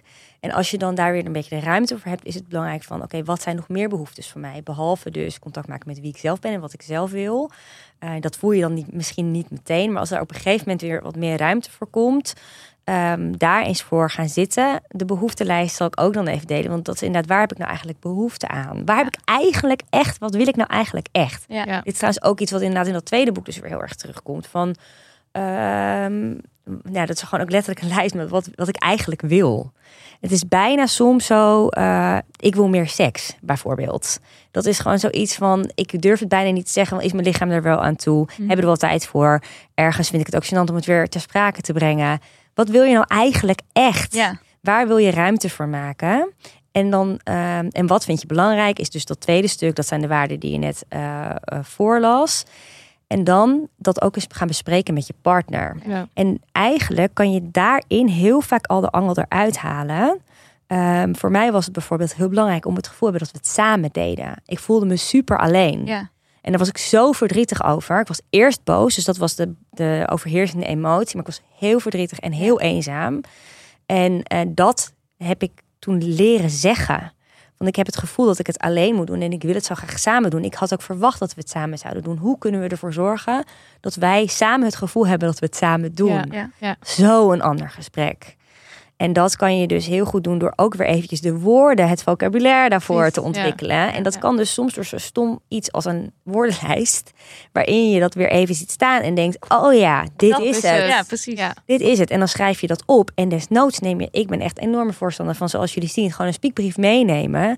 Als je het niet meer weet, boeien, schrijf een brief, lees hem voor. Ja. Ja. Weet je, het is eh, als dat jou helpt om te communiceren vanuit de emotie die je daadwerkelijk voelt, in plaats van alleen maar ehm, in het moment de irritatie, de frustratie, de woede, de teleurstelling. Wat zit daaronder? Ja. Is toch eigenlijk ook weer even een project van dit maken. Ja. Want je hebt, al, je, je, je hebt dan die ruzies of zo. Maar ik denk dat het ook in veel mensen niet eens opkomt van... Oké, maar laat ik er nou eens voor even echt goed over na gaan denken... van hoe gaan we dit nou fixen? En dus inderdaad Ja. een boek lezen erover. Die lijst doorgaan met die waardes. Zeg maar, het is een soort stappenplannetje. Want het gaat niet na één ruzietje Nee, anders Maar ook worden. omdat je het gevoel hebt, of tenminste we het gevoel hebben, dat het allemaal maar dat vanzelf automatisch moet gaan. Tuurlijk, ja. Nou, en het is denk ik ook een kwestie van echt gewoon ook lief zijn voor jezelf. Die hebben jullie vast ook vaker gehoord. Maar ook waardering voor je partner eh, hebben. Dus ook wel zien wat er wel goed is. Tuurlijk, ja, want Ja. nu wordt het weer zo'n gesprek van... ja, eh, ja, dus ook, want dat is denk ik voor de verzachting, voordat je zo'n gesprek ingaat, ook wel heel belangrijk. Van waar ben je heel blij mee? En wat gaat heel goed? En waar zou je meer van willen? Ja. In plaats van waar goeie, zou je ja. minder van willen? En dat ook beno- kunnen benoemen. hoe wil je daar juist misschien wel wel zien, mee hè? Beginnen. ja, ja, sowieso inderdaad. Hoe wil, je het, hoe wil je het wel zien? In plaats van dat je zegt, jij doet nooit dit, dit en dit. Maar dat je zegt, het lijkt me heerlijk als in de ochtend. En dat je dan je ochtend beschrijft hoe je hem graag zou willen. Ja, en dat is bij ons, dus- dat is bijvoorbeeld één voorbeeld dat bij ons heel goed is gelukt. Dat was echt een enorme bottleneck die ochtend. Ja, Eh, en dat we dat eh, helemaal in de stijgers hebben gekregen van hoe Nice. pak je dat eh, goed aan. Ja. Dat, heeft, dat, is, dat is, heeft ervoor gezorgd dat we zonder stress en irritatie de deur uitgaan. ja en hoe belangrijk Nou, is dat? zo fijn. Begin, het begin van je dag. En want eh, zeg maar, jij, jij begon dit gesprek, of aan het begin van dit gesprek was het van, eh, ja, we zitten nu weer heel eventjes, of ik val in mijn eigen valkuilen, maar de irritatie is eigenlijk weg, want wat we nu hebben is een heel ander gesprek. Dus ehm, in feite, hoe jullie nu praten is gewoon heel anders. Jij en Samuel is nu gewoon heel anders dan toen jullie net begonnen. Ja, we Nu zijn er veel communicatie- sneller bij. Maar de communicatie is natuurlijk niet altijd van een leidakje. Dat, dat je, soms dan loop ik nog steeds ergens te lang mee rond. Ja. Soms weet je ook zelf niet wat er aan de hand is. Nee, dan precies. voel je gewoon dat er iets of is. Ja. En dan Moet je weer met jezelf gaan zitten. Ja, je moet weer met jezelf gaan zitten. nou ja, en het, komt, het komt wel sneller tot me van ik ben ergens niet blij mee, apparently. Ehm, wat moet ik hiermee? Moet ik hier zelf iets mee? Kan ik hier zelf iets mee? Moet ik het uitspreken en op welk moment? En, eh, en dat uitspreken, dat gaat nu wel makkelijker. En ik vind het wel heel lastig als het over die rolverdeling gaat, omdat we er al zoveel over gezegd hebben. Ja. Mhm. Ja, nu word je gezien natuurlijk ook als de expert. Of je hebt het gevoel dat je misschien de expert moet zijn. Ja, En als je er dan weer in vervalt, dat je dan denkt, ja, hallo. Ja, maar dan zitten we er nou weer Ja. eh, in. En ik vind het natuurlijk nog steeds ook vervelend. Ik moet ook elke keer weer over een hobbel heen. Ja. Als ik er iets tegen hem over wil, eh, wil zeggen. Ergens is het dus ook heel relativerend om te realiseren dat iemand zoals jij en een stel zoals jullie daar dus nog steeds de hele tijd mee tegenaan Dat is lopen. ook heel en dat, logisch, want Ja. verschillende levensfases. Dus nu een verbouwing. ook de hele dan komen tijd. er weer Ja. pubers of whatever wat er allemaal echt. kan maar dat is toch ook, het Ja. is heel relativerend voor iedereen die er tegenaan loopt. Dat het dus niet zoiets is van, eh, oh, eh, we moeten dit weten of dit moet vanzelf gaan. Want zelfs Nee. iemand eh, die daar helemaal ingedoken is en alle cijfers kent en weet hoe alle eh, constructies werken en Ja. zo en mechanismen, die, die is ook geen de hele tijd aan het zoeken. Ja, en je omgeving verandert natuurlijk ook maar, maar Mhm. mondjesmaat mee. Dus daarin voel je dat ook steeds, weet je Ja. wel. Daar zijn nog steeds die aannames en verwachtingen en ideeën over wat een moeder hoort te doen en wat een vader hoort te doen, wat een man hoort te doen, wat Ja. een mannelijke werknemer hoort te doen, wat een vrouwelijke professional hoort te doen. Weet je, wel, het is gewoon en moeder hoort te doen. Dus dat voel je ook. Ja. Ja. En wat, wat zou er, ehm, als je het hebt over bijvoorbeeld eh, be- beleid en eh, de- eh, waar zou je, waar, wat zou je in deze wereld willen zien dat er verandert in beleid en in werkgeef, wat werkgevers kunnen doen, Ja. wat er verandert? Nou, ik denk dat er een paar belangrijke stappen zijn gezet. Dus dat is dat uitgebreide ouderschapsverlof, eh, wat deels betaald wordt, uitgebreid eh, Mag nog wel wordt. uitgebreider, maar goed. Mag Ja. veel uitgebreid. Nou, dat is denk ik een van de belangrijkste Ja. punten. Ja. Gelijk verlof naar Scandinavisch model ehm, voor alle ouders. Dus ook voor meer oudergezinnen, voor, eh, nou, voor iedereen die Mhm. eh, samen een kind op de wereld zet. Eh, de tijd om de zorg onder de knie te krijgen, om elkaar te leren kennen, om eh, goed voor een opgroeiend kind en voor jezelf te kunnen zorgen en voor elkaar. Dus ik denk dat dat, dat, dat verlof is echt het al, allerbelangrijkste wat de overheid kan doen. Ja. Ehm gaat kinderopvang, daar, eh, nou ja, daar wordt nu nog steeds wel over gesteggeld. Het komt er als het goed is. Ehm, ik denk dat het heel belangrijk is. Daar worden heel veel vraagtekens bij gezet. Ik denk dat dat echt iets ook van de langere adem is. Maar dat dat wel heel erg een cultuurverandering teweeg kan brengen. Mhm. Als het normaler wordt om je kind naar de opvang te brengen. Ehm, want dat is in Nederland nog steeds best wel ook een Ja. taboe. Ja, want dat Vooral kan natuurlijk niet. meer hè? dan twee of drie Precies. dagen. Drie dagen, wow, misschien, weet je wel. Maar de vijf is echt... eh, Nee, dat kan niet. Sommige crashes zeggen ouder. zelfs nee, dat doen we niet. Dus het is, ehm, Sommige crashes zeggen nee, Ja. dat doen. Oh. eh, dus het is, weet je, het is, het is dat is een heel belangrijk, eh, heel belangrijk punt. Ehm, ja, dus ik denk dat dat ze eigenlijk eh, Ja. dat dat ze zijn. Ja. Echt het veel meer kijken naar eh, hoe belangrijk die fase is en daar veel meer respect voor hebben. Ja. Ehm, dat dat echt een fundament legt waar je later op voor kunt bouwen en waardoor ook eh, ja, de emancipatie gewoon een gigantische boost Precies. krijgen. En wat ga je daar weer over allemaal? Want mensen denken natuurlijk altijd ergens in, erg in geld en cijfers en zo. Ja, Nou, dat gaat dus allemaal, allemaal weer dingen opleveren. Ja, nee, dus ik denk En de werkgever? De werkgever die mag veel eh, proactiever zijn in het gelijk behandelen van, eh, van mannen en vrouwen die een kind eh, hebben of gaan krijgen of het voornemen hebben. Ehm, en daar op eenzelfde manier een gesprek mee hebben. Hoe ga je dat doen, Ja. het ouderschap? Mhm. En ook dezelfde regelingen bieden aan mannen als, als, als aan vrouwen, als die regelingen er niet zijn. Mhm. Eh, dat natuurlijk heel snel eh, organiseren. Dat er verlof is. Sommige werkgevers die weigeren bijvoorbeeld het wettelijk toegestane ouderschapsverlof. Dat kan natuurlijk helemaal niet. Ja. Eh, dus je nou, laat je niet wegsturen. Ehm, dus bij werkgevers die mogen een veel proactievere rol eh, aannemen in Ja. het, eh, ja, in het Ik gelijk behandelen. Dat Samuel zelf er ook een naar voorbeeld van had. Dat hij bij een eigen werk eh Dat hij zelf, ja, hij zelf- zeker. Nou, dat, hij is zelf dus had gezegd 10, van- 15 jaar geleden, Ja. denk ik. Dus toen hij zelf nog geen kinderen had. Omdat hij zelf toen ook nog niet snapte natuurlijk hoe dat... En dat is ook echt zoiets belangrijks, weet je wel. Ik kan Wacht, me dat wat was ja, het voorbeeld? Bijvoorbeeld, ja. Ja. Nou ja, dus eh, eh, 15 jaar geleden, nee, toen, toen zij net waren begonnen met hun eh, worstmakerij, hadden ze iemand in dienst. En die werd vader. En die wilde twee weken extra verlof. Maar dat was onbespreekbaar. Want zij waren Oh, drie wat jonge honden. Ja, en die hadden Dat is gewoon hoeft rachen. gewoon niet. Ja. Ja. En hij snapte dat. En hij schaamt zich daar nu met terugwerkende kracht echt enorm voor. Het ging Maar het- twee weken echt. Het was echt eh, waanzinnig weinig. Heel dat goed hij- dat hij het ja. heeft opgeschreven. Omdat ik denk dat heel veel mensen nog wel zo, nog steeds zo denken van... hoe Voortdurend. niet Ja. zo? En Voortdurend. dat vind ik trouwens ook zo fijn aan jullie eh, boek, van jullie allebei. Dat je het maar wel gewoon allemaal even mooi opschrijft. Want Even ja, alle shit op tafel. Ja. Ja, want je kan ook denken, ik wil de vuile was niet buiten hangen. Of weet ik veel wat mensen allemaal denken. En het is heel prettig dat het gewoon wel wordt opgeschreven. Want jullie zijn een voorbeeld van zoveel mensen. En het Ja. gaat helemaal niet om jullie, maar En dat is eigenlijk ook de opmerking die het meest krijgt. Van weet je, omdat de vuile was buiten hangen. Dat, ja, ik heb echt zoiets van, weet je, mensen moeten dit gewoon weten. En het is zo, Zo herkenbaar. Ja. Ja. en dat is trouwens nog wel iets inderdaad over het ondernemerschap gesproken. Eh, ondernemers zullen dan inderdaad vaker ook geneigd zijn om te zeggen, nou nee, dat doen we dus niet aan mee. Maar ik denk dat het dus ook heel belangrijk is dat ZZP'ers en ondernemers ook dezelfde rechten krijgen. Want dat is nu totaal niet het geval als Nee. het gaat over verlofregelingen. ja. Eh, En ergens snap je mensen ook wel weer dat ze, dus, dat ze dus ergens zo huiverig zijn over verlof geven of zo. Omdat je natuurlijk zelf ook met je hele... Ja, maar het levert superveel op en het heeft vaak eh, namelijk loyaliteit van je medewerkers. Precies, ja. Eh, en vaak ook de, zelfs de, de winst neemt er toe. Dat zijn cijfers van Women Inc. Daar eh, nou, kun je nog naar verwijzen. Hè? Ehm, het, het levert werkgevers in de long run ook heel, veel veel op. Dus het ja. is heel kortzichtig ja. om te denken dit is een probleem. Het is alleen een probleem als je niet lang genoeg vooruit plant en kijkt. ja. Dus zodra een vrouw zwanger eh, is, feliciteer haar en ben heel blij voor haar en laat haar merken dat je alles wil doen om haar We te ondersteunen. Ja. We got your back. Dat is echt zo ontzettend belangrijk. Want in, nou, op de lange termijn levert dat je ook als werkgever heel veel op. En het is gewoon menselijk om te doen, ook trouwens. ja. Dus, ehm, en er is toch nog heel vaak die, oh ja, teleurstelling.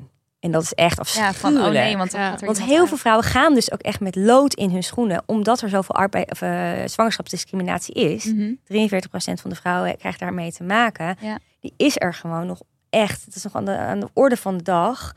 Ehm dan gaan ze dus terecht bijna met lood in hun schoenen naar hun werkgever. Nou, Ja. dat is toch echt eh, van de zotte. Dit, dit soort fases horen bij het leven. En ik denk dat dat echt iets is wat werkgevers veel meer tussen de oren moeten krijgen. En om moeten anticiperen. En dat gaat Ja. dus niet alleen over de zorg voor kinderen, maar ook ziekte, verlies. ehm, Precies, en, precies, ja. ehm, eh, Gewoon de grote dingen van het leven. Grote dingen van het leven. Gewoon Ja, het waar het leven. leven om draait, Ja. zeg Ja. maar. Ja. Ja. Oké, laten we dan afsluiten met nog even een petitie eh, die iedereen nu meteen moet tekenen. Zeker. Petitie 21ste eeuwsverlof. Ja, Wat is het? Het is een petitie die eh, sinds een week online is. Er zijn nu bijna 15.000 handtekeningen verzameld. Eh, en eh, in de petitie wordt gevraagd om het gelijkwaardig verlof voor alle ouders van 160 dagen per ouders. Voor alleenstaande ouders dus het dubbele. Yes. Ehm, eh, en ehm, een, meer rekening houden met bijvoorbeeld fysieke klachten tijdens de zwangerschap. Dus meer recht op pauzes, uitbreiding eh, daarvan. Eigenlijk in alle opzichten, alle punten die ik net noemde over Precies. gelijke rechten voor ZZP'ers en ondernemers. Ehm, nou, wat moet ik nog meer noemen? Eh, ja, nee, nog, ook nog een heel belangrijk punt. Ehm, na miskraam en eh Ja, doodgeboorte. doodgeboorte. kinderen. Voor 24 weken. Ja, ook dan- verlof. Ook verlof. Dat is er ook. Dat is nu niet geregeld. Bizar, hè? Dat ja. is toch, nou, Dus dat, ehm, dat staat allemaal in deze petitie opgenomen. Het is echt super belangrijk dat daar zoveel mogelijk handtekeningen eh, onder komen te staan. Van ouders, wensouders, geen ouders. Gewoon van iedereen, Iedereen, die, ja. hier, die dit, eh, ja. ja, en dus gewoon meer oog voor de grote levensgebeurtenissen en minder voor geld en werk. Ja. En altijd maar productief zijn, de hele tijd. Ja. Nou, je kan hem tekenen op www.21e, dus 21ste. Ik heb hem net getekend, nu verdwijnt mijn link. 21e-eeuwsverlof.nl. Doe het. Kruip Ja, doe in het. je Doe het. telefoon Meteen. of je laptop of zo. Dit was aflevering 111. Dankjewel, Ragna. Jullie ook. Eh, bedankt. de show notes met alles wat we net besproken hebben. Ook nog een keer een link naar je boek en alles. eh, staat allemaal ehm, op damhoney.nl slash aflevering 111. Ook een linkje naar de petitie, noem het allemaal maar op. En een paar dagen na het verschijnen van deze aflevering staat er ook het transcript. Eh, thanks aan onze ondersteunende schatten patatten zonder wie deze podcast niet zo gladjes zou lopen als nu doet. Daniel van de Poppen edits, Lucas de Gier jingles, Liesbeth Smit website, Melissa van der Zanden, honingballen, stage, schat. We zwaaien nu eventjes naar de, want ze zit tegenover me. En bedankt Amberscript voor het chiller maken van de transcripten. De software is dat. En veel dank aan de menselijke transcripters. Paulien, Juna, Yvonne, Imke, Melissa, Paula, Pieke, Guusje en Maaike. Stuur post, geef geld via petjeaf.com slash damnhoney. Eh, gaan wij dit jaar trouwens weer een film kijken, een kerstfilm of zo, een live commentaar geven? Want dat hebben we vorig jaar gedaan voor de bonusballen van Petje Af. Eh, dat is een heel goed idee. Dan Ja. moeten we even een film kiezen. Vorig jaar deden we Love Actually. Dat Oh ja. is erg leuk. Eh, als bonusballen daar ideeën over, over hebben, dan eh, moeten ze het maar insturen. Ja, dan eh, gaan we die misschien wel zo. En dan kan je met ons meelullen. Of soort van. Meekijken. Meekijken en dan hoor je ons commentaar zo de hele tijd. Duidelijk Enig. uitgelegd. Ja. Enig! Of niet, hè? Ja, altijd zelf weten. Zelf weten. Dag.